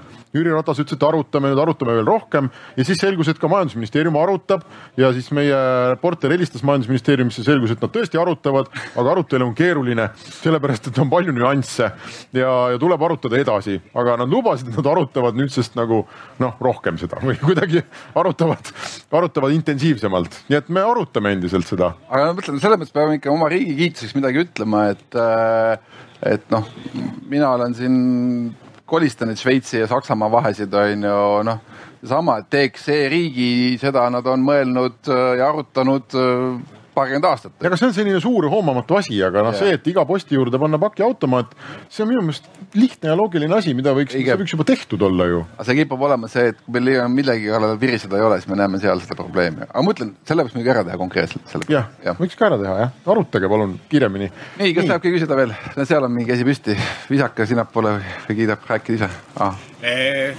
pane suule lähemale seda jah mm -hmm., et ma võtaks ennast. pane päris sinna, päris sinna. nina vastu, aga mitte habeme vastu veel, veel, veel. ma vaatan küll, ma arvan, sellest juba piisab. et ma läheks korra sinna startup maailmadesse tagasi ja see, mida ma olen täheldanud viimastel aastatel, ongi see, et need startup'id, väga tublid, tugevad Eestis, arendavad ennast siin üles ja siis kolivad väljamaale ühel või teisel põhjusel. kas see on siis tööjõud või odavamad maksusüsteemid või nii edasi. et kas see on midagi, mis võib meie digiedud kihva keerata, kus me näeme, et me investeerime üksjagu summasid sinna, aga nendest startup idest ei jää mitte midagi alles. Transferwise on läinud, Skype on läinud et reaalselt kõik need suuremad on meil kõik ära kadunud. oota, stopp, me peame ikka faktitäpsed olema. me ei tohi niimoodi teha, et meil on mingi tunne ja siis me nagu paneme kõhu pealt mingi tunde. Äh, kõhutunne on suhteliselt kehv nagu mõõtevahend. Äh, kas sa faktiliselt oskad mulle öelda, milline startup on ära läinud? Skype on alles, Transferwise on alles, mõlemad on suurendanud oma isikkoosseisu faktiliselt ehk siis, kus nad siin läinud on. Nad on teinud juurde, nõus, ehk siis on avanud uusi keskusi juurde, aga nad on siit kuhugi ära kadunud. ja kokkuvõttes meil on ikkagi täna piiratud arv neid inimesi, kes üldse on võimelised sellist tööd nagu tegema. noh, meil on täna umbes kuskil suurusjärk kolmkümmend tuhat IT-spetsialisti kogu riigi peale. Eh, haridussüsteem annab välja aastas eh, umbes viissada, kuussada ja no vajadus on nagu tuhandetes, eks, et selles mõttes äh, sa peadki nagu, kui sa tahad suuremaks kasvada, sa pead uusi kohti avama. aga see ei tähenda seda, et nad seda oma, oma nii-öelda algpunkti kinni paneksid, et mina täna küll ei oska öelda ühtegi suurt äh, IT-ettevõtet või startup'i, kes oleks sulgenud Eestis äh, olulises mahus äh,. Veriff koondas ära oma need äh, inimesed, kes tegid seda, noh vaata, kui sul on äh, dokumendi ja inimese näo võrdlus, siis äh, neil läksid algoritmid nii heaks, et ühel hetkel äh, sul ei ole vaja seda inim, inimest sinna vahele, kes võrdleks, et kas ikka on õigesti nagu tuvastatud või mitte, onju. et see oli suurem koondamine, mida ma tean, aga, aga seda, et päris kinni paneks keegi Eestis, faktitäpne peaks olema, ma küll ei tea ühtegi näidet. ja pluss kõik need sajad inimesed toovad ju sotsiaalmaksu iga kuu, onju, ja, ja käibemaksust jääb ka. Nad kulutavad teenuseid siin, et ja. jah, ma olen nõus siin. et selles mõttes siin kindlasti jah, mingit jama ei ole. paneme sinna palli me peame küsima selle mikrofoniga, sellepärast et see läheb pärast linti ja seetõttu peab olema see mikrofonis, et ei saa niisama hüüda küsimust. Äh, Juhani lemmik minu nimi, tehnoloogiahuviline ja võib-olla e-riigi huviline eriti. et äh, küsimus ilmselt äkki Taavile, et ähm, kui me jätkame sealt, äh, kui sa kirjeldasid avaandmetega seonduvat ja seda, et Eesti noh, võib-olla turg siis on suhteliselt väike ja selle võrra tekib ka vähe nõudlust mõningate selliste uute lahenduste järgi et kui me vaatame tulevikku, et kas on veel teisi tehnoloogiaid, mis on täna juba kohal, ma ei tea, masinõpe, äh, ai või, või midagi, mis on nurga taga, kus me näeme umbes samast, samasugust tendentsi, et, et me suhteline mahajäämus teiste riikidega võrreldes tekibki sellest, et me oleme lihtsalt liiga väiksed ja me ei võta neid samu tehnoloogiaid äh, esimeste hulgas üle või võib-olla üldse ei võta üle.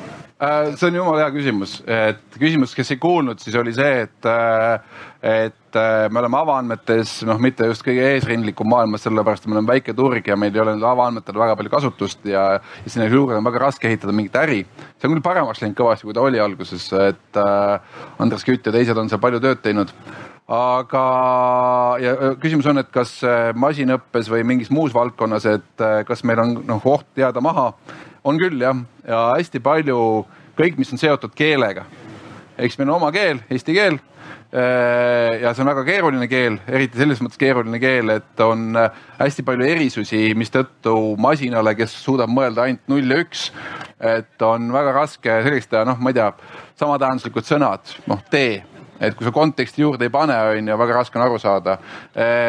väga raske on lugeda välja näiteks kirjadest emotsiooni, et kas see nüüd oli sarkasmiga kirjutatud kiri või see oli nagu aus kiri või see oli, sellega tehakse, sellega tullakse ja, ja Eestis on väga palju sellist innovatsiooni tehtud, aga kuna turg on nii väike siis on see ikkagi, see piirdub noh, paari teadlasega mingis valdkonnas, mingis teemas. et see ei ole nagu niivõrd laiapõhjaline, kui näiteks nagu inglise keeles on, et täna kirjutad inglise keeles kirja äh,. minul on peal spetsiaalne tarkvara, ütleb, et kuule, et natuke liiga sarkastiline oled, et tõmba veits maha, onju.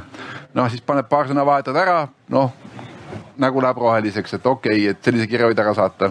mul on see probleem, et kui ma tavaliselt noh, ma ei tea, ajakirjanikele vastan küsimustele, ma Eestis väga ei vastagi, aga ütleme välismaal, siis äh, mõnikord on need küsimused väga rumalad.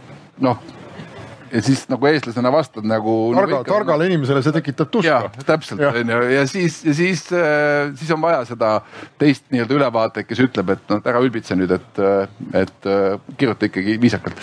okei okay,, aga ei, ma, minule tundub, et. see vastus aga noh, see, seesama, seesama, mis ta küsis, et me oleks võinud ju mõnes mõttes ka täpselt samamoodi mõelda siis, kui me hakkasime oma neid ID-kaarte ja kogu seda värki tegema, et noh, et, et sa pead lihtsalt eriti nendes valdkondades, kus tegelikult maailmas keegi täpselt ei ole noh, ei, ei tea, on ju, et millega see kõik lõpeb ja kuhu see läheb, et see on mingi selline kerkiv, alustav valdkond. et siis seal algusest peale kaasas olla ja kasvõi mingit väikest lõiku teha, noh, see ei saa kunagi olla halb. ainuke asi, mis sealt juhtuda saab, on, et võib-olla sellest ei tule midagi ja noh, siis on tõesti, siis on jälle ajakirjandus nördinud, et näe kaks aastat tehti tööd, midagi ei tulnud, nõme. ma tahaks selles mõttes jumala hea märkus, et noh, veel kord olgu öeldud, et Eesti ID-kaardi süsteem on äh, üks-ühele koopia Soome süsteemist. soomlased tegid enne Soomes see ei tööta. Soomes on see totaalne fail ehk siis nad ei saanud seda käima sellepärast, et ID-kaart ei olnud kohustuslik ja riik ei teinud seda otsust, et kuulge, aga et mõninga innovatsiooni jaoks ongi vaja peale maksta selleks, et innovatsioon juhtuks mm. -hmm. võib-olla tulevikus siis see toob tagasi, võib-olla ei too, aga kui ühesõnaga, sa seda turutõrget nagu riiklikult ära ei võta, onju, et siis äh, noh, lähebki hapuks ja näiteks sama, noh, mis puudutab näiteks meie enda keeleõpet või, või eesti keelega seotuvat, äh, siis siin kindlasti ei tohiks nagu lasta kõike nagu turul äh, otsustada, et, et siia võiks päris palju nagu raha sisse panna, et, et toetada meie enda keele, eesti keele põhist siis nagu digiarengut, jah nii, võtaks veel küsimusi hea meelega. Seitse minutit. seal taga on veel üks, vot ma visake sinnapoole tagasi. ava, mul oleks lihtsalt selle keeleosa kohta üks väike kommentaar. et eh, noh, nüüd on juba ammu tehtud see text to speech jah, arendused ja noh, inglise, noh, kõik need välismaa keeltes on eh, seda juurutada oma programmis väga lihtne, kuna noh, pisikene teek juurde panna, asi töötab. Eestis, kui ma tahtsin seda lisada oma tarkvarasse eestikeelset tuge, käisin Küberneetika Instituudis ja akadeemias, seal mehed tegelesid sellega, asi töötas, aga selleks, et seda juurutada, tuli mingisugune noh, tolle aja kohta suuresti mingi kümme megabaiti mingisuguseid noh, käsitööd teha, et asi käima saada. ühesõnaga, et noh, juurutatakse, tehakse, aga ei tehta nii-öelda kasutajasõbralikku, et keegi saaks seda kasutama hakata. No turgu ei ole sellepärast mingi jah., mingi standard Jah. nagu oli, mida kõik teised riigid kasutavad, aga meil tehti seda kuskil üle ala noh, omamoodi ei ma mõtlengi, et see ongi seesama probleem, et kui sul üle turgu, kui sul ei ole seda konkurentsi, et a la minu translaator on parem kui sinu oma, eks on ju. et siis niikaua kui konkurentsi ei ole, ei olegi sul motivatsiooni oma translaatorit paremaks teha, on ju, et. see, see, ütleme see keele ja kultuuri asi on minu arust väga huvitav, et, et minu meelest on täiesti põhjendatud, et riik omalt poolt maksaks siin lihtsalt Jah, tuimalt peale. et no näiteks Eesti muusikud, kes saavad Spotify's, mis see number oli, null koma null null nelikümmend seitse senti per stream, üle null koma null null null nelikümmend seitse, väga vähe raha. et see minu meelest on täiesti okei okay öelda, et vaadake, et see noh, Spotify süsteem on põhimõtteliselt optimeeritud viiesaja miljoni tarbija peale. Jah, ja meie kui Eesti riik äh, match ime seda, mis Spotify sulle maksab, näiteks mingi neljasaja protsendiga. Et noh, see võiks olla täitsa mehhanism ju, kuidas toetada noh, Eesti äh, kultuuriinimesi, Eesti Õige. muusikuid näiteks. Ja seesama keeleasi täpselt samamoodi, et äh, ma ei tea, no mingid jutud käisid, mina ei ole juures olnud, et kuidas äh, siin üks või teine kõrge, kõrge riigipea on helistanud kuhugi Google'isse ja küsinud, et miks juba ei saa, et Aga miks mina- juba ei ole. noh, et, et minu meelest see on täitsa normaalne, et me, Google on teinud lõpuks tegelikult ära, et minu telefon saab äh, eesti keelest aru. Ta tuvastab sõnu suhteliselt hästi, ta mõttest ei saa aru, aga see on jällegi koht, kus Eesti riik võiks tõesti tuimalt võtta raha ja kui vähegi võimalik toppida seda raha kuhugi, et meil see nagu keel ja kultuur selles, selles noh, suures potis nagu säiliks ja et need suured firmad saaks ka aru, et viiesaja miljoni versus nagu viiesaja tuhande peale optimeerimisel, noh, et see väike viissada tuhat tahab ka midagi saada kusjuures sellega ongi hea lugu, et äh, kaks tuhat neliteist minu meelest, kui panid Androidi äh, sellesse Playdi, Playboardi panid oma äpi ülesse, siis eestlased ei saanud selle nii-öelda raha küsida oma äppide sees. sest see ei olnud, Google on seda lahti teinud. selleks, et seda saavutada, siis äh, tuli kurikaval idee äh,, Ilves andis Windsurfile, kes oli ka Google'i nõukogus, andis Maarjamaa risti või on mingi väga kõrge ordeni Äh, ja kutsus ta Eestisse, onju. ja siis ütles muide ja, ja muide oligi ja siis saime, onju. ja Google tunnustas, ütles, et noh, et, et eh, avaldame tunnustust, et saite nii ruttu, et saite enne Sudaani. ja no me naerame, et mis mõttes enne Sudaani, onju. Sudaan on seitsekümmend on? miljonit inimest, eks onju. et seitsekümmend miljonit turg versus nagu üks koma kolm onju. selge oli see, et noh, et Sudaan peaks nagu, nagu teoreetiliselt nagu enne saama, onju. et selles mõttes siukseid nippe ja trikke on tehtud, aga, aga ühesõnaga kui me tahame kokku võtta ja tahame nagu eh, oma seda nagu kuidagi raamistada, siis jah, et selles mõttes on sul õigus, et, et on mingid valdkonnad, kus on täna nagu selge turutõrge ees, sellepärast me oleme liiga väikesed. või on see, et noh, sama, et noh, eesti keel näiteks, et siia võiks nagu ülbelt peale panna. kultuuri arendamiseks ma arvan ka, et sinna võiks kõvasti rohkem panna. aga mida kindlasti jätkama peaks selleks, et digiedu säiliks ja mitte kihva keerata, on seda julgust lihtsalt katsetada või proovida. no ütleme, noh mind siiamaani kummastab, et kui me vaatame näiteks oma kaitseväge ja kaitsetööstust on ju, et siis äh, me ikkagi oleme jätkuvalt nagu traditsioonilises äh, nii-öelda noh, loeme päid, loeme suurtükke torulaiusi onju. Ja me väga vähe katsetame näiteks siin äh, äh, noh, kas ma mõtlen äh, mis need ilma, ilma meheta robotitega näiteks piirivalvet või, või, või, või, või, või kaitsesüsteeme. ehk siis selles mõttes nagu selline nii-öelda hoopis teistmoodi lähenemine, teistmoodi toimetamine, mis on toonud nagu edu meie startup sektorile, eks, et, et me võiksime ikkagi väga palju julgemalt ka siin nagu ikkagi tegutseda ja seda siis nii-öelda kas teadusesse investeerides või, või andes lihtsalt võimaluse, et näete, Eesti ettevõtted, tahate proovige, et me teeme teie jaoks, ma ei tea, testüksuse siin on ju, et müristage oma, oma robotika, robotitega on ju, et et äh, minu meelest me võtsime piiri pealt droonid ka ära vist praegu või? kallis oli jah. jah, no mis on nagu jabur tundub jälle, et noh, selle asemel ehitame mingit tara, millest esimene tank üle sõidab lihtsalt on ju, et noh. nii üks või kaks küsimust saame veel võtta, kui kellelgi on, kui ei ole, lähme laiali. seal on ja tere äh,, ma jätkaks sellesama mõttega, millega te lõpetasite, et äh, mis seal riigisektoris või, või nende ametnike, ametnike peades peaks natuke nagu suhtumises muutma, et me ei noh, et me ei läheks sinna ja ei killiks seda nii-öelda innovatsiooni või startup indust, et, et me oleks nagu ikkagist sellele positiivselt ja, ja nagu pigem promote'iks seda nende samade näidete põhjal, mis te just nagu rääkisite? aga selles mõttes äh, ma võib-olla kummutan mõne inimese nagu arusaama, aga ühesõnaga ametnik on ka inimene ikkagi. et äh, kuigi ta on ametnik, et äh, noh, ma ise neli aastat olin, hea rääkida, et et selles mõttes keegi neist, noh, ma ei tea, okei, või nii ta üldistada, et üldjuhul ametnik ei ole pahatahtlik. See, et ta ei tee midagi, võib tihti olla mitte sellepärast, et ta, et, et ta ei ole pahatahtlik, vaid sellepärast, et ta ei tea, et seda võiks teha ehk siis me peaksime ise olema julgemad küsima, et noh, et, et a la, et näed, et see on sinu valdkond siin X on ju. et sinu valdkonnas tegelikult on meil turutõrge, et meie turg on liiga väike, et siin saaks teha digitaalselt kihvte asju, aga seda ei saa kunagi teha kasumlikult, et siin tuleb peale maksta. noh okei okay,, teeme siis. no seesama asi nagu ma tean, et neljarealised teed on ju, kui sa loed äh, statistiliselt äh,, kui palju autosid peaks olema iga noh päev Tallinna-Tartu peal. et see on loogiline, et äh, noh, ütleme nii, et nel, neljarealise tee jaoks oleks vaja rohkem autosid. aga me teeme ikkagi sellepärast, et on nagu noh las me maksame natuke üle, et on kiirem, mugavam ja kokkuvõttes ohutum on ju. et noh, võtame siis natukene kahjumit sisse on ju, et no ei ole päris sama standardjärgi nagu Saksamaal on ju ja ma ei saa üldse aru, miks Pärnu maantee, mis on palju hullem ja tihedam, miks seda neljarealiseks teha ei tehta, eks ju. aga see selleks, ühesõnaga. sama põhjus, tartlased kogu aeg karjuvad, pärnakaid ma ei ole kuulnud äh, karjumas, et kus meie tee on. just.